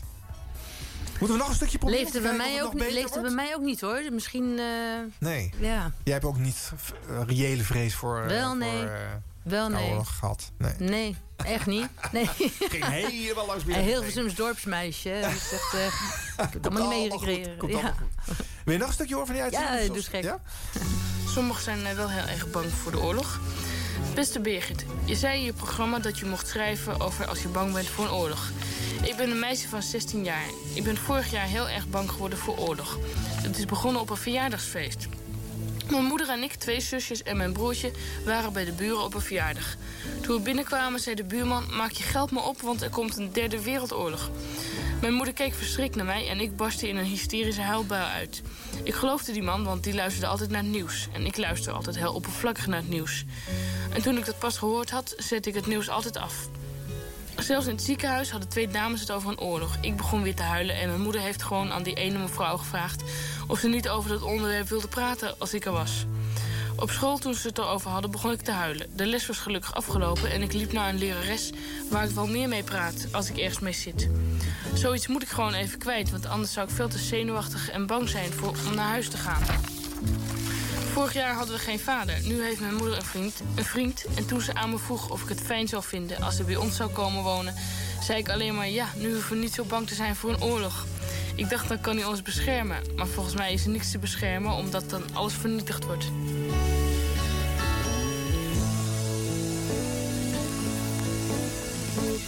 Nou, misschien denken jullie er heel anders over. Dat kan natuurlijk en dat mag ook best wel. 035 43844, daar kan je nog eh, van alles en nog wat kwijt. Aan de telefoon heb ik nu Marion. Hallo Marion. Hallo.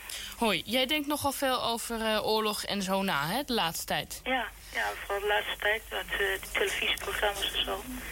Nou, ik, eh, ik ga er wel steeds meer over nadenken en zo. En wat vind je wat jou aangeboden wordt aan informatie over de oorlog en zo? bijvoorbeeld op televisie en radio. Hoe vind je dat? Nou, ik vind het hartstikke goed, maar ja, de laatste tijd eh, hoor je veel meer en zo. Maar verder dit jaar hoor je eigenlijk volgens mij veel te weinig erover. En eh, nou, je hoort ook veel te vaak dat, eh, dat veel jongeren en zo, dat die weer nou, fascistische neigingen, zou ik maar noemen, krijgen. Dat ze echt, ja, weer echt zo van, zoals Hitler, dat ze zo gaan praten en zo. Mhm. En dat vind ik wel heel eng. Dus jij vindt dat, nou, de jeugd ik zeggen, dus dat wij dus wel goed moeten weten hoe het in de oorlog aan toe is gegaan en zo? Ja, want ik vind dat, eh, ja, vooral de mensen die het niet mee hebben gemaakt, die eh, echt goed moeten weten dat zoiets nooit en ook nooit meer mag gebeuren. Mhm. En je zat nog wat te vertellen over een eh, jongen bij jou op school. Ja. Dat die met die manier van doen was je het ook niet zo eens. Vertel dat nog eens. Nou, dus, een jongen bij ons op school en die zit echt met haken kruis op zijn jas en zo en op zijn helm. En die zegt eh, ook van die dingen, nou, zegt hij tegen mij, zegt hij eh, dat ik een Jood ben en zo. Nou, dat ben ik niet. Maar als ik het wel was, nou, wat dan nog? Maar dan zegt hij ook van, ja, alle Joden moeten vernietigd worden en zo. Nou, verder zegt hij ook niet eh, waarom hij dat vindt, maar... Nou, ik weet niet. Volgens mij is het of zo. Hè? Staatwijs of zo, als je dat zegt. Ja. Volgens mij is het ook wel groot doen, maar ja, God, ga dan met iets anders groot doen. Ik vind dat veel te, veel te serieus om daar, daar ja, mee op te scheppen of zo. Mhm.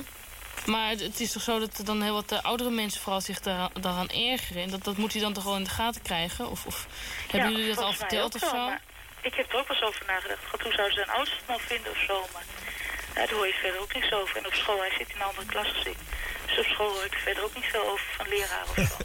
Eh, je moet erom lachen, hè? Nou, ik moet eh, lachen om de stoppenwoordjes uit de jaren zeventig eigenlijk. Of ja, zo. wat dan? Nou, of oh, of zo. zo. Ja, of ja, ja. zo. Oh, natuurlijk. Grappig. Ja, het is, het is... Ik, ik hoor hier dus dat het een onderwerp is wat, wat, Wat waar, niet ik, niet- nou, waar ik niet mee bezig was. Nee. En dan is het heel moeilijk om... Kijk, als iets jezelf interesseert... En, en je wil daar meer over weten. Dan wil je ook graag weten wat anderen ervan denken. En dan ben je heel erg snel in de gesprekken. En in, in de van, oh ja, en, oh, dan heb ik ook een, of een discussie. En hier had ik echt zoiets van... Ja, eh, schiet mij maar lek. Ja. Geen idee. Echt En niet. Hadden ze jou ook een interviewcursus meegegeven bij de AVRO? Of op een andere Nee. manier daarin? Nee. Gewoon Nee. zitten, we zien wel en dat klinkt, klinkt nou, leuk. het was, het was wel zo. Ik, had natuurlijk, ik zat dan ook wel met de koptelefoon op. En eh Boudewijn, klap, regisseur, die, eh, die luisterde wel mee. En als, ik, als hij dacht dat ik er niet meer uitkwam, dan fluisterde hij wel eens een, een, een vraag. eh. Ja. Maar dat is. eh, ja, kwam, dat kwam niet zo heel vaak voor. Nee. Omdat het, eh, meestal waren het inderdaad dingen die ik zelf oprecht interessant vond. En, En wat waar was ik dan ook dat meer dan over bijvoorbeeld? weten. Huh? Wat was dat dan bijvoorbeeld? Wat vond je wel leuk? Om, Wat eh, ik wel iets, nou, wat ik heel, eh, wat ik heel leuk vond, maar ook eh, heel, of nou, leuk, nee, leuk is niet het goede woord. Ik weet dat we een hele, hele mooie uitzending hebben gemaakt over mensen die te maken hebben gehad met eh, zelfmoord in de familie, die dus echt gewoon letterlijk hun vader aan de keldertrap hebben zien hangen of wat dan ook. En dat was, eh, dat was, he- dat was heel zwaar. Ik weet wel dat ik dan zat ik ook van die eh, ehm, brieven voor te lezen. En toen was ik echt blij met die hele lange eh, muzikale Ja. fragmentjes. Want echt, ik kreeg echt een hele dikke strot. En ik zat er echt zo van, oh my god. Dat ik, was echt, maar dan wel live op de radio. Dus Ja. we moesten wel iets van, van vinden en iets mee doen. Ja. En dan eh kwam een heel lang muziekje. En dan zat ik echt zo... en dan ging die maar En weer. dan kon hij weer, ja. Ja. En ja, en we hebben een heleboel leuke, leuke dingen ook gedaan. En aparte en bijzondere dingen. Die eh, live, eh, live bevalling. eh. Ja, een live bevalling in de Ja. uitzending. Dat was ook wel... Hoe krijg je het überhaupt getimed, zeg ik. Maar ja, ach, je moet wat doen voor de kijkcijfers en de Ja. luistercijfers. ja. Maar dat maakte best wel wat los, hè? Er waren ook opzeggingen bij de AVRO. Och, joh, een controversieel thema Ach, aan... ach, ach, ja. ach. ja, de- bij bosjes. ja? Ja, nee, als, wij- als wij echt zo'n zo'n thema maand over menstruatie... Nou, met schande van gesproken. En de, de- massaal zeiden mensen hun lidmaatschap op. En, eh, ja, ik kan het je haast niet meer voorstellen. Nee. Maar eh, het kon me ook helemaal geen zak schelen toen. Maar Nee. ik, had, ik had daar geen, geen last van of zo. Maar, eh, Nee. nee, echt heel bizar. Zeg ik jou niet. De verantwoording natuurlijk wel over nee. Lijkt mij ook niet. Nee, maar ja. Ja. Ach, die AVRO-leden toch. Het was niet voor hem bedoeld. Het was voor hun kinderen bedoeld. Luister Ja. nou toch niet mee, Ga stiekem, dan naar ook het niet... programma. Nee, ga weg. Nou, we hebben straks nog geluid van jou uit 1982 en 86. Dus blijf erbij. Vandaag werkten mee Jos Arnouds, Lisbeth Limburg, Paula Romein, Hetty Hagens, Rini Verkouw en Carla Hardonk. Techniek Rudy Klein, regie Klap en presentatie Birgit. En oh, was ik bijna vergeten dat ik nog even de groeten moest doen aan Willem. Want dat is de baas van mijn vriend en die was eh, vrijdag jarig. Dus eh, alsnog gefeliciteerd. Komt niet erg hartelijk uit nu, maar... eh, Tot volgende week dus over Ik Durf Niet en wat je dan voor rare situaties hoort. Nou, dag.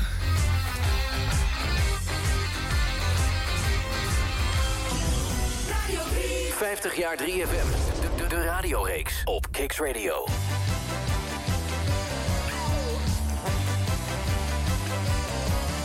Think of all the stars from the 50s scene.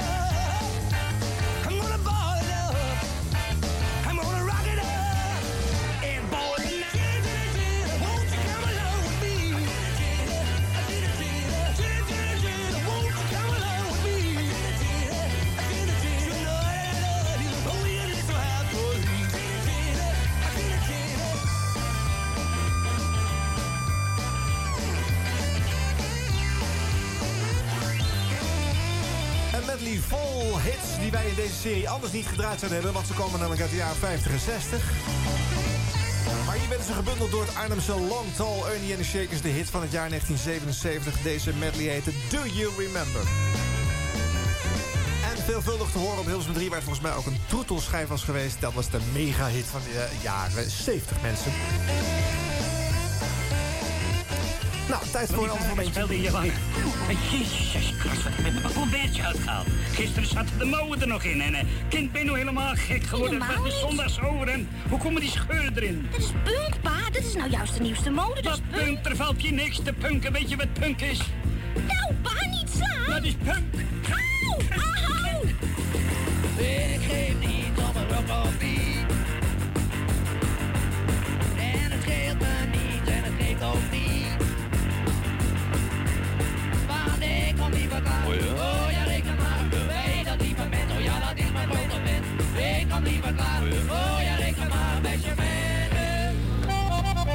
De VPRO. We zijn er vanavond weer tot 1 uur. Wij in ieder geval tot 11 uur. Ik ben Germaine.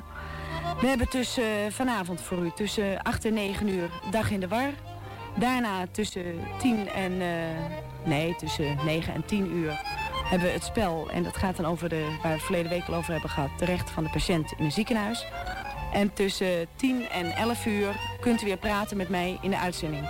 U kunt vanaf nu gaan bellen naar de VPRO met... eh, problemen, vragen, oplossingen over eh, seks en relaties. Hoe je met elkaar omgaat, wat je daarmee wil of wat je er niet mee wil. Ik zit hier om met u te praten. Er zitten mensen boven. En als u telefoneert naar hun, hoeft u niet in de uitzending. Dat kunt u zelf beslissen. Het nummer is 035 44752. En u kunt vanaf nu bellen.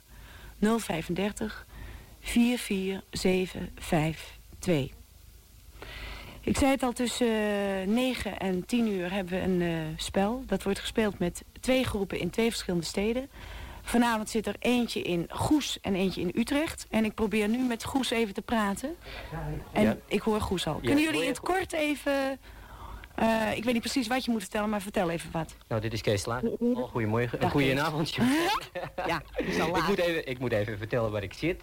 Ik zit eh, bij de ziekenomroep van Goes. Ja. No Man Nessio geheten. En naast me zit Chris Wessels. En dat is een van de... Hoeveel Ja. hebben jullie? Dit is het eh, omveld op Hilversum 3 waarin jij ook opereert eh, eh, Ja. in die tijd, Birgit. Ik weet niet of je dit wel eens gehoord hebt toen, maar de VPRO vrijdag op 3 bestond uit eh, eh, een aantal uurtjes... waar onder andere deze Germaine Groenier in eh grossierde met nou, veel sekspraatjes. Ja. Porno was het soms gewoon. Dat was keiharde porno, ja. Ja, dat was wel even een stapje verder dan die tienertips die, die jij nog relatief onschuldig behandelde. Ja, was ook een ouder publiek. Hè?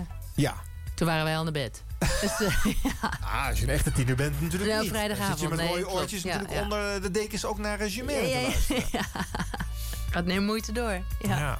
Maar goed, dit, dit, dit was het dus ook. Een, een, een tandje verder. Maar goed, ja, is, misschien niet voor 13 jaar. Ja, ik weet niet. Maar goed. was ook wel een apart verschijnsel, hè? Die Germaine Jean-Jeanne. Ja. Nee, dat was volgens mij echt wel een andere doelgroep hoor. Ja. Echt wel ouder. Nou, maar goed, eh, eh, zij was er ook op Hilversum 3. Ehm, de programmering ziet er trouwens heel raar uit. Zal ik er iets van vertellen of zal ik het maar laten ook? eh, zeg maar, hoor. Vind je het leuk om te horen? Nog een paar gekke titels uit het jaar? Of zeg je nou... Nou, gooi, gooi eens wat in. Kijk of ik het ken. Vlak hiervoor zat in Nederland top 40 met Lex Harding op vrijdagavond. Kom me vaag bekend voor, ja. Mm, donderdag bij de... oh nee, dus op vrijdagochtend de Hugo van Gelder show. Zegt dat je wat? De- Ja, de, ja, naam wel, maar wat voor soort programma het was... eh, Geen idee. De muzikale fruitmand. bij Oh de ja, EO. Ja, ja. hoor. Bert Ja, van Rij en Hans Le Polen. tuurlijk. Wie kent ze niet? Wie kent ze niet? op donderdagavond was eh Connie van der Bos te horen op eh, Hilversum 3. Ach. Ja, met het programma Close-Up bij de Tros. Ja. Nou, die was ik even kwijt. Donderdagochtend Ron Brandsteder op 3. Ja. Pep op 3 heette dat programma. Woensdagavond heeft Frits Spits een programma met het Metropoolorkest. Dat heet Metro's Midnight Music. Wauw. Ja, dat moet, moet hip geweest zijn. Scherp gevonden ook. Zeker. Ja, echt. Ehm eh, Popdonder plus Koos Zwart de avond daarvoor bij de Vara. Eh, Frits Spits was een paar keer eh, te horen tussen 6 en 7. Maar het heette nog geen avondspits, maar NOS-maal. Dat komt omdat de andere dagen werd eh, Joost en Draaier daar eh, geprogrammeerd. Joost mag niet eten. Ja, dat, zo heette het eerst. Maar hij mocht, Ja. niet, hij mocht ook niet meer alle zes dagen niet eten. Want hij draaide te veel van zijn eigen plaatjes. Dus hij moest eh, de zendtijd delen met Frits. Hm. En het jaar daarna zou Frits de avondspits daar volledig gaan maken. En daar zaten we heel lang achteraan, ja. Vara zoekplaatje smiddags op de dinsdag met Felix Meurders. Maandagavond Candlelight dan. Jan van ja, ja, Jan van Veen. Ja, zeker wel. En het Stenen Tijdperk met Jan Steenman. Ja, ook. Ja. Ja, dat was mijn eigen clubje, hè?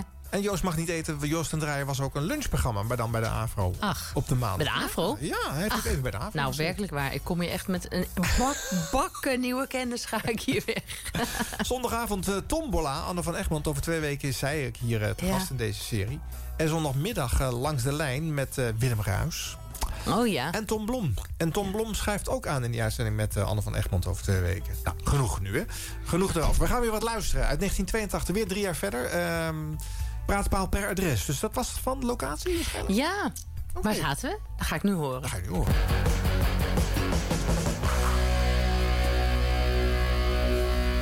Nou, je kan wel merken dat ik het eh, bandprogramma opnemen een beetje verleerd ben... om in een uitzending voor de tweede kerstdag te gaan vertellen... dat je iets aan het opnemen bent voor eh, na kerstmis.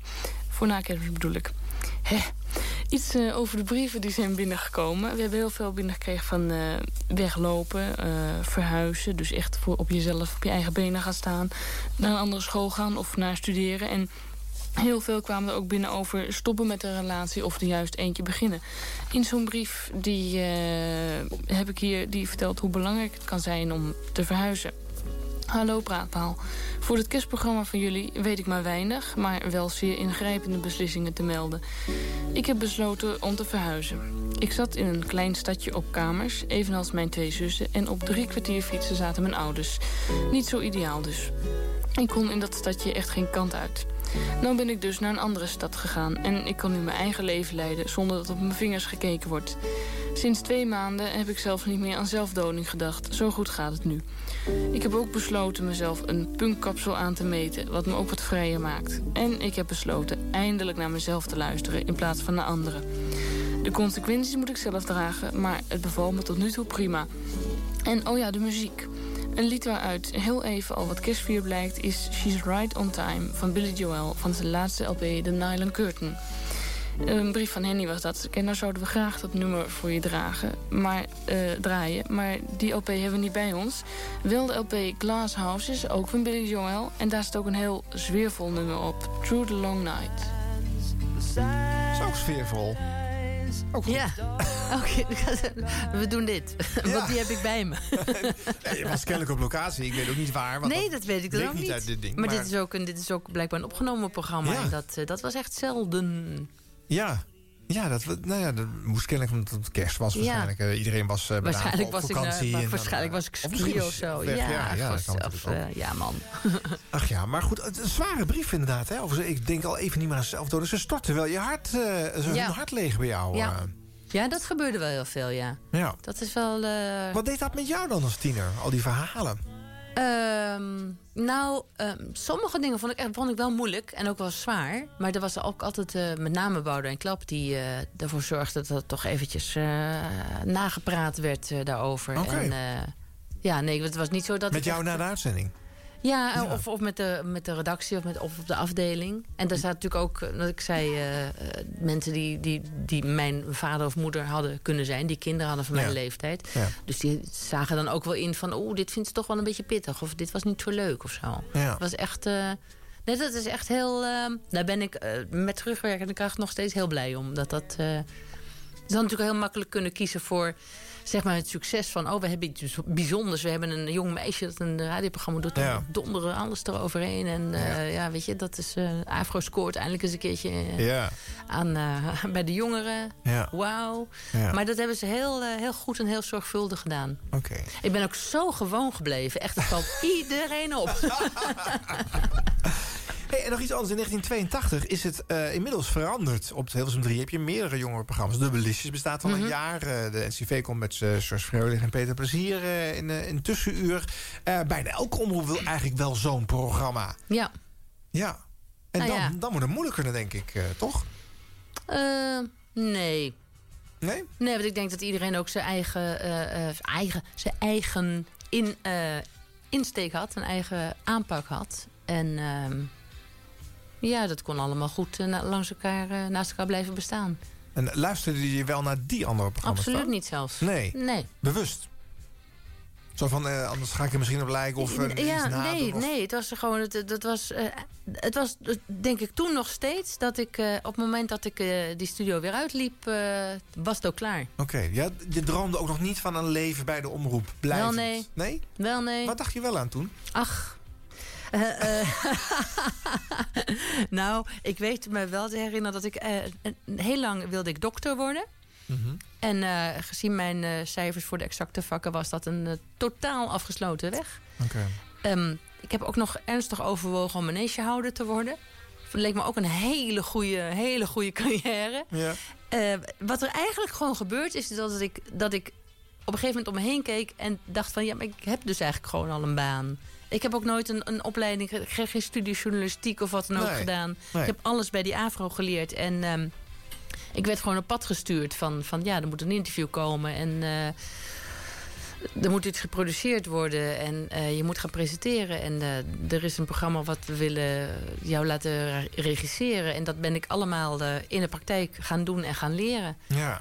En ehm, ja, ook kreeg wel leuk is, maar het is wel opvallend dat het inderdaad gewoon... Het is, het is zo, eh, zo terloops gegaan dus bij jou. eh. Ja, story of my life, echt waar. Ja? Ja. Ook daarna bedoel je? Ja. Omroep eh, Nooit iets was, gepland ook. Gewoon nee. niets gepland. En wat ik plande ging niet door. Dus dat Reizen naar buitenland en zo. nee, ja, nee, maar serieus. Ik ben, ik ben officieel bij de omroep weggegaan. Toen was ik in verwachting van mijn derde kind. En toen zou eh, mijn man, zou in, eh, die was toen altijd in, in, eh, in Afrika aan het werk. Die bouwde daar radiostations. En toen werden wij gevraagd om met de hele familie naar Afrika te verhuizen. En toen was ik met zwangerschapsverlof. Dus ik dacht, nou ja, nu of nooit, dat gaan we doen. Dat lijkt me gaaf. Dus ik heb mijn baan opgezegd. En vervolgens breekt er een van een enorme oorlog uit. en zijn we dus helemaal nooit naar Afrika gegaan. Ja. Toen dacht ik, ja, wat zal ik dan eens gaan doen? Toen had je alle schepen verbrand hier dus, in, in, in- in Hilversum in Nederland. Ja, maar ja, toen dacht ik... Het grappige was dat mensen ook inderdaad dachten dat ik weg was. En dan kwamen ze me ineens weer tegen in Hilversum. En dan was ze van, huh, ben je terug? Maar ik was helemaal nooit weg geweest. Nee, dat is ja. Ja, en toen zat ik thuis met die, met die kleine kinderen. Toen dacht ik, nou, weet je, ik vind schrijven ook wel leuk. En dat is volgens mij wel goed te combineren met een, eh, met een gezin. En eh, ja, er was, ook, was dat ook geen plan aan vast of zo. Dan ging ik dat doen. En, en andere mensen hoorden dat weer. En die vragen dan voor iets anders. En ik heb ook gewoon tijdschriften gebeld en geschreven van... eh, het lijkt me heel leuk om voor jullie te werken. Zal ik eens wat inleveren? Ja. Nee, dat gebeurde er al. Ja, echt, als, ik het, als ik het nu zelf terug hoor, vind ik het echt belachelijk ondoordacht klinken. Maar zo is het wel gegaan. Nou ja, het heeft jou op allerlei plekken gebracht. Ja, Eh, dus het is niets, wel weer leuk. Ja, niets bedacht. Nu, nu zou het raar zijn als je dat nog gaat veranderen in je carrièreplanning, toch? Ja, nee, dit werkt voor mij heel goed. Ja, dus mocht het eh, we correctiewerk wat jij nu doet ophouden, dan ga jij rolt gewoon weer in iets anders. Dan ga ik gewoon zingen.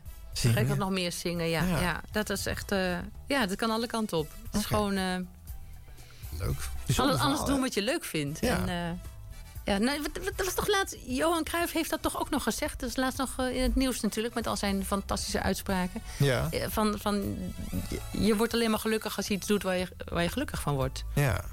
Ja, dat is wel... eh, En je werd wel gelukkig van dat radiowerk wat je deed. ja. Ja. Maar het is. En iedereen. Jongens, daar moet je gewoon echt nog eens een keertje mee ophouden.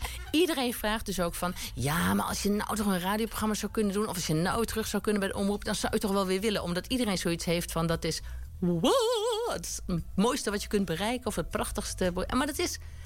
Voor mijn gevoel heb ik alles gedaan. op radiogebied en ook een heleboel op tv-gebied. wat ik leuk vond, wat ik nuttig vond, wat ik zinvol vond waar ik zelf naar zou hebben geluisterd. En ehm, in een hele leuke tijd, waarin je inderdaad alles kon en mocht doen. En ik heb het idee als ik nu terug zou gaan naar de omroep of naar de radio, dat het me dan gewoon tegen zou vallen. En het is ook gewoon klaar. Weet je, ik ben, ik ben 51 en dat is toch een beetje sneu dat je dan ineens weer gaat roepen van ik ga weer heel hip. eh, ja, ik vind het een beetje sneu. Sorry hoor voor al die mensen van 50 plus die nu gewoon. Nee, maar oh, de, wat ik nou weer de verwachting klinkt eruit dat je inderdaad... je zou altijd moeten terug willen als je de kans zou krijgen... naar dat klatergoud van Hilversum. Maar daarvan zeg je eigenlijk nee hoor, dat hoeft helemaal niet... eh, nee. Nee. En je hebt gelijk, want de, de vrijheid die je gehad hebt... en eh, de wijze waarop jij programma's hebt kunnen maken... die krijg Die je echt er meer, nergens meer. Dus Nee. Als je daarvoor eh, teruggaat, dan eh, kom je Nee. van een koude kermis thuis. Nee. Dan gaat het alleen maar tegenvallen inderdaad. Wat dan wel weer leuk zou zijn om gewoon weer al die leuke, al die, die quizjes en die spelletjes waar je al alsmaar voor uitgenodigd werd. En, en, en op het, over de rode lopers en dit en dat. Dat zit ik wel eens aan mijn kinderen te vertellen. Die hebben echt zoiets van: waarom ben je in godsnaam gestopt? Ja, Vanwege die leuke secundaire die- arbeidsvoorwaarden, al die vanwege, cadeautjes en vanwege dingetjes. de kinderen ben ik gestopt, zeg Ja. ik dan. Oh. Is jullie schuld. En zeggen ze dan? Dat dat stom was. dat ik nooit dat moet doen. Ah, grappig. Ja, muziek weer uit eh 77. Nou, jouw jongste Donna dochter is mee, maar deze kent ze ook hoor. Donna Summer. I Zing maar mee, dag maar.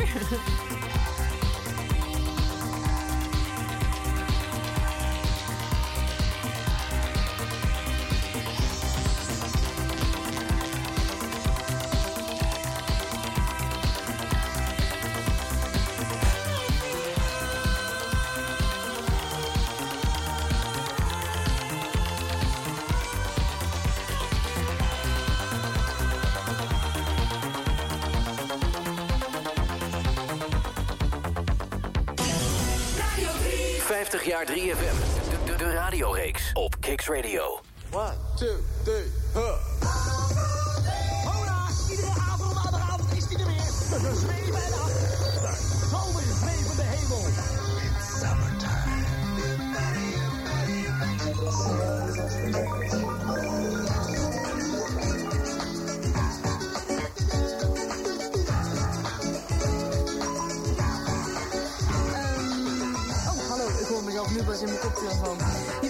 Agro 3 Zweven Hemel tot 8 uur. Vandaag een verhaal over de kamernood. Er zijn een heleboel mensen die nu nog uh, spastisch naar een kamer lopen te zoeken. Misschien weten we je iets eh, te vertellen.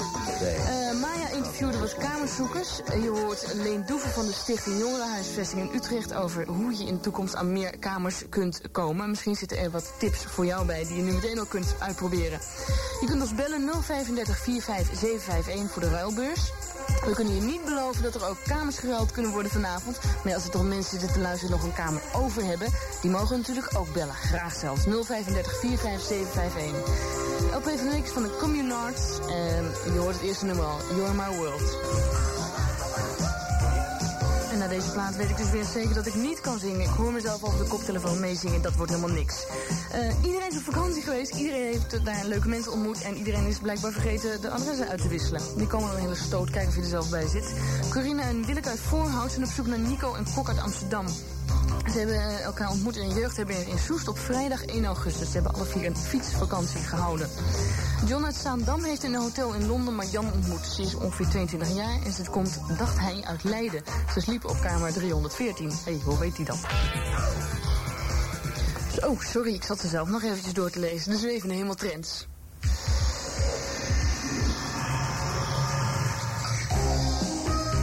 Uit Engeland komt het laatste nieuwtje op fitnessgebied. Een fitness- en voedingscomputer onder de sprekende naam LifeTracks. Door in de meegeleverde handleiding de juiste codes op te zoeken voor het voedsel dat je eet... en die daarna in de computer in te toetsen... samen met de hoeveelheid die je van dat voedsel gaat nuttigen... ja, kun je het nog volgen... dan geef je de computer de juiste informatie. Die computer gaat daarna aan het werk en rekent precies uit... hoeveel calorieën, vet, proteïne en cholesterol je zo binnenkrijgt. We kunnen ons trouwens wel voorstellen dat al die gegevens nou net dat romantische tintje van je diner voor twee wegnemen. Dus misschien kun je beter een rekenmachientje nemen om dan uit te rekenen hoeveel repen chocola je zou kunnen kopen voor de 350 piek die je anders voor de computertje zou moeten betalen. Zo, dit is in 1986, eh Birgit. Ja. Eh, de Zwevende Hemel heet het dan.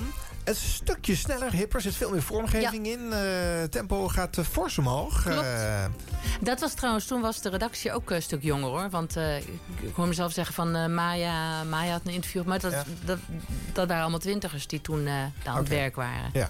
Ja. De gemiddelde leeftijd was gehalveerd in ieder geval. Ja, nou ja, dan had je natuurlijk mensen die inderdaad ook zelf op pad konden. En dat deed je met een 13, 14-jarige, deed je dat niet. Maar, Nee, en er zat dan natuurlijk nog wel de eindredactie van eh, Boudewijn bij. En, Ja. eh, van Jos, ja. Ja. Eh, best wel anders weer dit, toch? Hier ben je eigenlijk een DJ. Ik moet er zelf een beetje om lachen. Ja.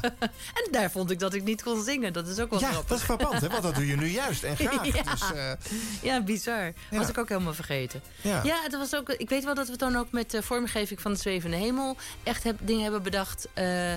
zoals bijvoorbeeld, ja, maar je hebt al het, het, het nieuws om, om zeven uur... en dan heb je ook nog reclames, dat is allemaal al gesproken woord. Dan moet je niet meteen met zo'n hele reutemeteut aan tekst komen... van wat allemaal in je programma wat je zit. eerst wel deed, die twee minuten Precies, ja. En gewoon eerst praten. hup, een Ja. snelle jingle en hup meteen een plaat erachteraan. En, en toen begon het programma eigenlijk pas eh, na de eerste jingle en plaat. Ja.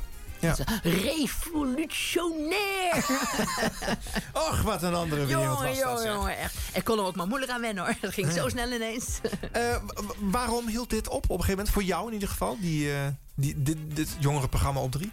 Ehm, nou, ik ging eigenlijk steeds meer eh, andere dingen ook doen. Dus ook, ook eh, achter de schermen, regie en productie en dat soort dingen. En, ehm, op eigen verzoek? eigenlijk, Nou, je het komt er ook wel een beetje op neer dat je natuurlijk op een gegeven moment voor de, voor de veertiende keer het hebt over een, een kamer zoeken of eh, verliefd worden of hoe krijg je verkering. Ik was er ook wel een beetje klaar. Ik was er gewoon zelf een beetje overheen gegroeid. Ja.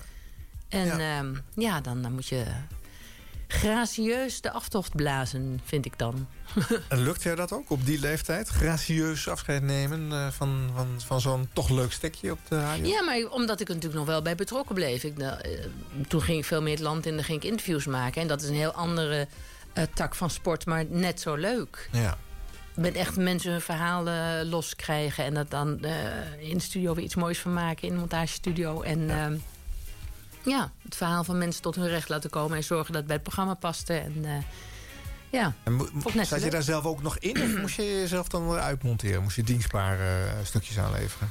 Nou, dat lag een beetje aan het onderwerp, denk Oh, ik. nee, ik denk ik daar zelf ook wel, eh, wel tussendoor... Ik kan me niet voorstellen dat ik mezelf helemaal heb weggecijferd. Dat is toch, ook, dat is toch helemaal niet Birgit ook wat ik dan eh, nu hoor. Nee, dat, dat zei je net ook wel. Dus er zit iets in jou waar je, waarmee je toch een beetje op de voorgrond wil treden. ja, kennelijk. ja, ja, ja. Achter zitten mensen nu zo keihard te lachen thuis. Die Ja. dan- ja, ja, ja, ja. Waar, waar kon jij dat dan kwijt toen je wegging bij de omroep? Want achter de schermen werken, dan moet je natuurlijk al bescheidener zijn. En als je niet meer bij de omroep staat, krijg je ook niet meer dat eh, applaus. Wat daar toch een beetje bij hoort. Ja, maar ehm, ja, weet je, in- de tijd dat ik bij de omroep werkte, was het gewoon een, een baan. Hè? Ik had gewoon een. eh, Ik had gewoon een vaste baan met een vast salaris. En het was een hele leuke baan. En het was ook een leuk salaris. Maar het was niet. Als je nu bijvoorbeeld aan, aan, aan DJ's, echt bekende en beroemde DJ's, die, die verdienen echt tonnen per jaar. Nou, ik ben echt zo in het verkeerde decennium eh, bij de radio begonnen. Serieus. Ja, hoor. wat dat betreft dan wel. hè? Niet Dat is heel, hè, nee, maar dat is helemaal niet. eh, dat, was, eh, dat was helemaal niet. ik was ook geen DJ, ik was programmamaker. Dus dat deed ik. En dat, dat was mijn werk. En dat, ja. dat was gewoon een vaste baan. Een hele leuke vaste baan. Ja. Maar ja, die ben ik toen dus. Ik ben toen zelf eh, weggegaan toen we eh, naar het buitenland zouden gaan met Ja. de hele familie. Ja. En eh, toen was ik er ook wel een beetje klaar mee ook. Dus, eh, ja, Wat, je, wat je net zei, je hebt eigenlijk alles wel gezien en gedaan. Ja. Maar het lukt vele mensen niet, hè? Als zij eenmaal hebben dat, van, geproefd van de, van de aandacht die je krijgt... In, Ja, sneu, om, hè? om dan daar zelf uit te stappen. ik vind het een beetje sneu eigenlijk. Simone Walraaf schiet me nu te binnen. Heeft uh, uit eigen beweging gezegd... Ja. ik ga met mijn vriend in het buitenland wonen. Is Precies. goed. Maar het gebeurt niet vaak. Ja, nee, maar dat is. Mm, ja, maar, maar als, je, als je belangrijkheid ervan afhangt dat mensen je herkennen of, of eh, je kennen, denk ik, ja, waar ben je mee bezig? Kom op. Nee, dat vind, ik- ik vond dat nooit zo interessant. Nee. En je kunt altijd iets anders vinden waarbij je ook weer... eh, het is natuurlijk wel zo dat als er eh, ergens iets te gebeuren staat... dat ik meestal wel vooraan sta van dat zal ik dan wel even vertellen... of dat zal ik wel even regelen. En eh, heb ik dan ook geen moeite mee. En dat laten mensen ook vrij makkelijk aan mij over, zeg maar. Ja, ja, nu dus ongeacht waar je dat ook doet. Bijvoorbeeld bij een zanggroepje of Ja. een andere avond. eh. Nou, we hadden dinsdag eh, de ALV, de Algemene Ledenvergadering van een van mijn koren. En daar heb ik eh, met veel enthousiasme de toekomstvisie voor het koor gepresenteerd. En mensen enthousiast gemaakt. En dan, ja, dat is Eigenlijk sta ook je, daar heel nog, leuk. sta je er nog steeds een beetje te presenteren. ja, ja, het is alleen niet meer. Het wordt alleen niet meer uitgezonden. Maar Maakt voor jou maakt niet echt geen, uit. geen nee, ik doe gewoon wat. Dat, ik deed het toen ik 12 was en ik doe het denk ik als ik 83 ben ook nog steeds. Ja, Gewoon, eh, helder. ja. Mooi verhaal. Nou, dank je. Dank je wel daarvoor. En ook zo mooi binnen de tijd, hè? Ja, maar ik ga altijd over de tijd heen. Dat weten de vaste luisteraars. Ik, haal, eh, ik snoep meestal wel 10 minuten van de show hierna. En ik heb nog een paar fragmenten uit 77 die nog wil laten horen. Maar die komen niet meer uit jouw oeuvre, eh Birgit. Ja, donders. Ja, Kom ik daarvoor helemaal hier? Nee, de rest was toch leuk? Het was hartstikke leuk. Ja, maar je zei, ik heb wel bandjes thuis, maar je luistert dat natuurlijk toch niet zo snel weer, weer terug. eh. En Nee, heb omdat je een collage gehoord uit allerlei verschillende facetten van die Ja, tijd. ja, ja. ja, je kunt het ook haast niet meer plaatsen. En het is, eh, nou, zeker die eerste dingen zijn ook zo langzaam dat ik ook iets heb van. de- ik, heb, ik vind het ook helemaal niet meer leuk om naar te Nee, luisteren. maar je je, de radio is, is vluchtig. Hè? Het was een momentopname. Alleen er zijn mensen thuis geweest die hebben op rek gedrukt en dit bewaard. En Ja. daarom hebben we het nu nog kunnen luisteren. Maar Ja. dit is natuurlijk eh, hè, meer dan 30 jaar geleden. Dus ja, ja het is niet meer dan logisch. Verder zeggen we daar niks over. Wel, nee. Luister nog heel even mee. Uit 77 heb ik nog eh, twee andere fragmenten. En eh, eentje komt van eh, de vrijdagavond. Eh, op Hilversum 3 heeft de Veronica Omroeporganisatie maar liefst één uur zendtijd. En daar zitten de oud-zeezenderhelden bozig eh, eh, 80 programma's van Veronica in eh 55 minuten te stoppen. En eh, zij hoopten natuurlijk op zendtijduitbreiding en van aspirant omroep naar de C-status, zo heette dat toen. Dan kreeg je namelijk eh, drie keer zoveel meer zendtijd als aspirant omroep. En één ja, uur tv, geloof ik, Ja. zeg je toen? Ja. maar ze kregen het niet, hè? Nee, ze kregen het weer niet. De overheid moest ze weer hebben, hoor. Dus Lex staat weer op de barricade. Veronica gaat door.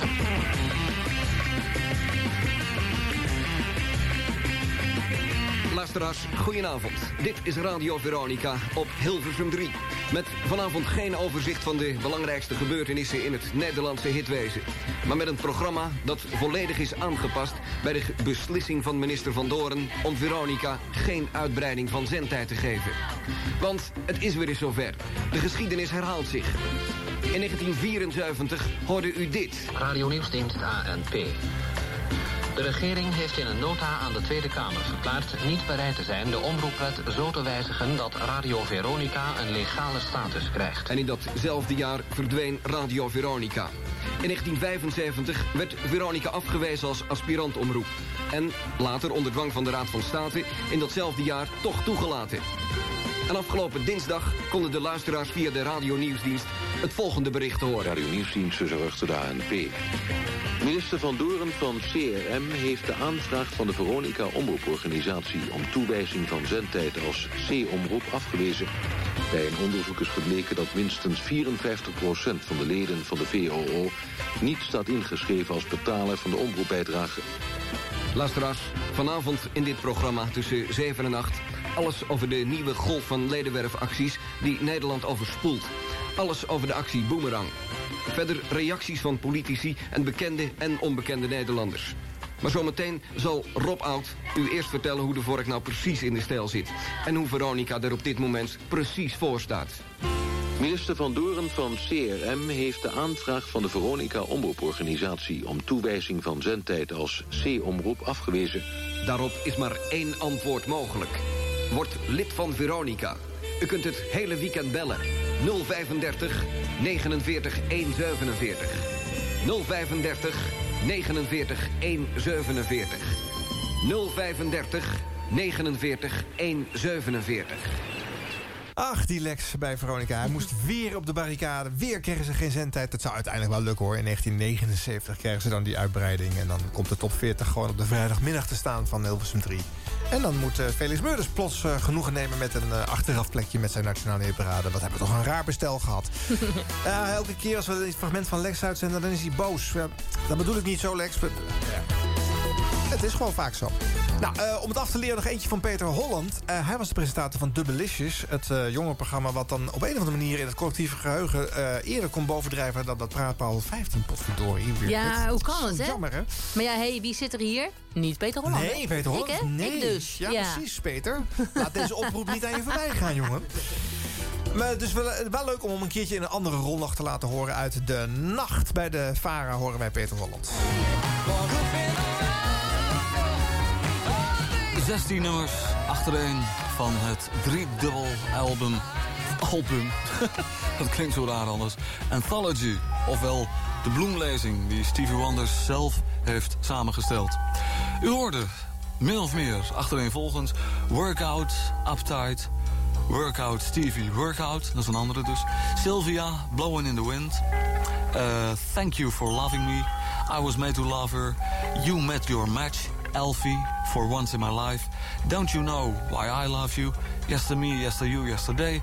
I Gotta Have a Song, If You Really Love Me.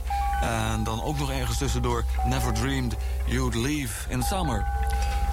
Waarom uh, de nummers non-stop en niet met gezellige babbeltjes er tussendoor? Nou, dat leek me uiterst irritant... omdat de muziek van, zeker van Stevie Wonder voor zich spreekt... en bij een hele hoop mensen ongetwijfeld jeugdherinneringen op zullen roepen. Bovendien, het irriteert niet op de een of andere manier. En dat vind ik erg prettig. Wat ik ook nog wilde zeggen, en dat heeft dan niet zoveel met Stevie Wonder te maken... maar wel met het onderwerp, dus een bepaalde artiest. Thema zou je het ook kunnen noemen. Als u een bepaald thema weet voor de nacht... wat betreft een artiest of een ander belangrijk persoon... die u belangrijk vindt, dan moet u even schrijven. Aan Peter Holland, VARA, postbus 175 in Hilversum. VARA, postbus 175 in Hilversum. Goed, dit voor wat betreft uh, Stevie. Wij gaan eruit en ik zou zeggen tot na vieren. Holland bij nacht bij de VARA op uh, Hilversum 3 in 1997. En uh, valt het je op... Peter heeft hier gewoon een hele LP gewoon achter elkaar gedraaid hè, van Stevie Wonder. Het, gewoon, dat, ja, het is natuurlijk s'nachts, maar toch. Hè? Ik denk dat Peter ondertussen gewoon even iets anders aan het doen was ook gewoon. Peter had andere prioriteiten in de nacht, denk ik. Ja. ja. Ik weet niet of hij ook gewoon in de studio zat of dat hij iemand, iemand aan het rondleiden was of zo dan. Ja, heel apart. Nou ja, goed. Whatever. Goede DJ dus. Leuk om te horen. Uh, nou, hier moesten we maar eens bij laten. Uh, dit waren de 1977 fragmenten. Het meest succesvolle jaar van de Nationale Popzender. En uh, Birgit, jij zat erop. Ik was erbij, man. Live. Die, ja, je hebt daar je hebt onderdeel van uitgemaakt. Het is niet onopgemerkt gebleven. dankjewel dat je hier wilde komen en ons met jouw verhalen wilde verrijken. Ik vond het wel enorm leuk. Dankjewel. volgende week is het ergens in de jaren nul. We hebben nog niet geloof ik gekozen, hè? Edwin Wendt de hofleverancier van de fragmenten. Uh, maar we weten wel dat hier dan zit Gerard Ekdom.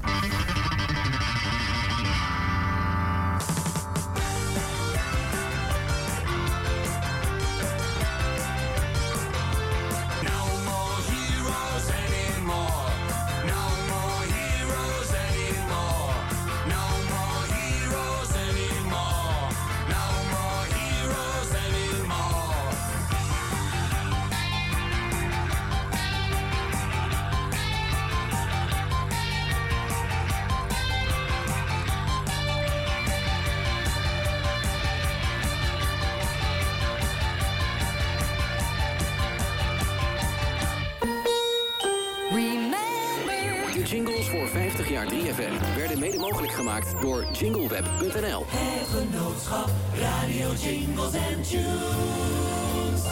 Ja, het is wel een latertje, maar ik hoop dat u het gezellig hebt gevonden. Bedankt en uh, welterusten.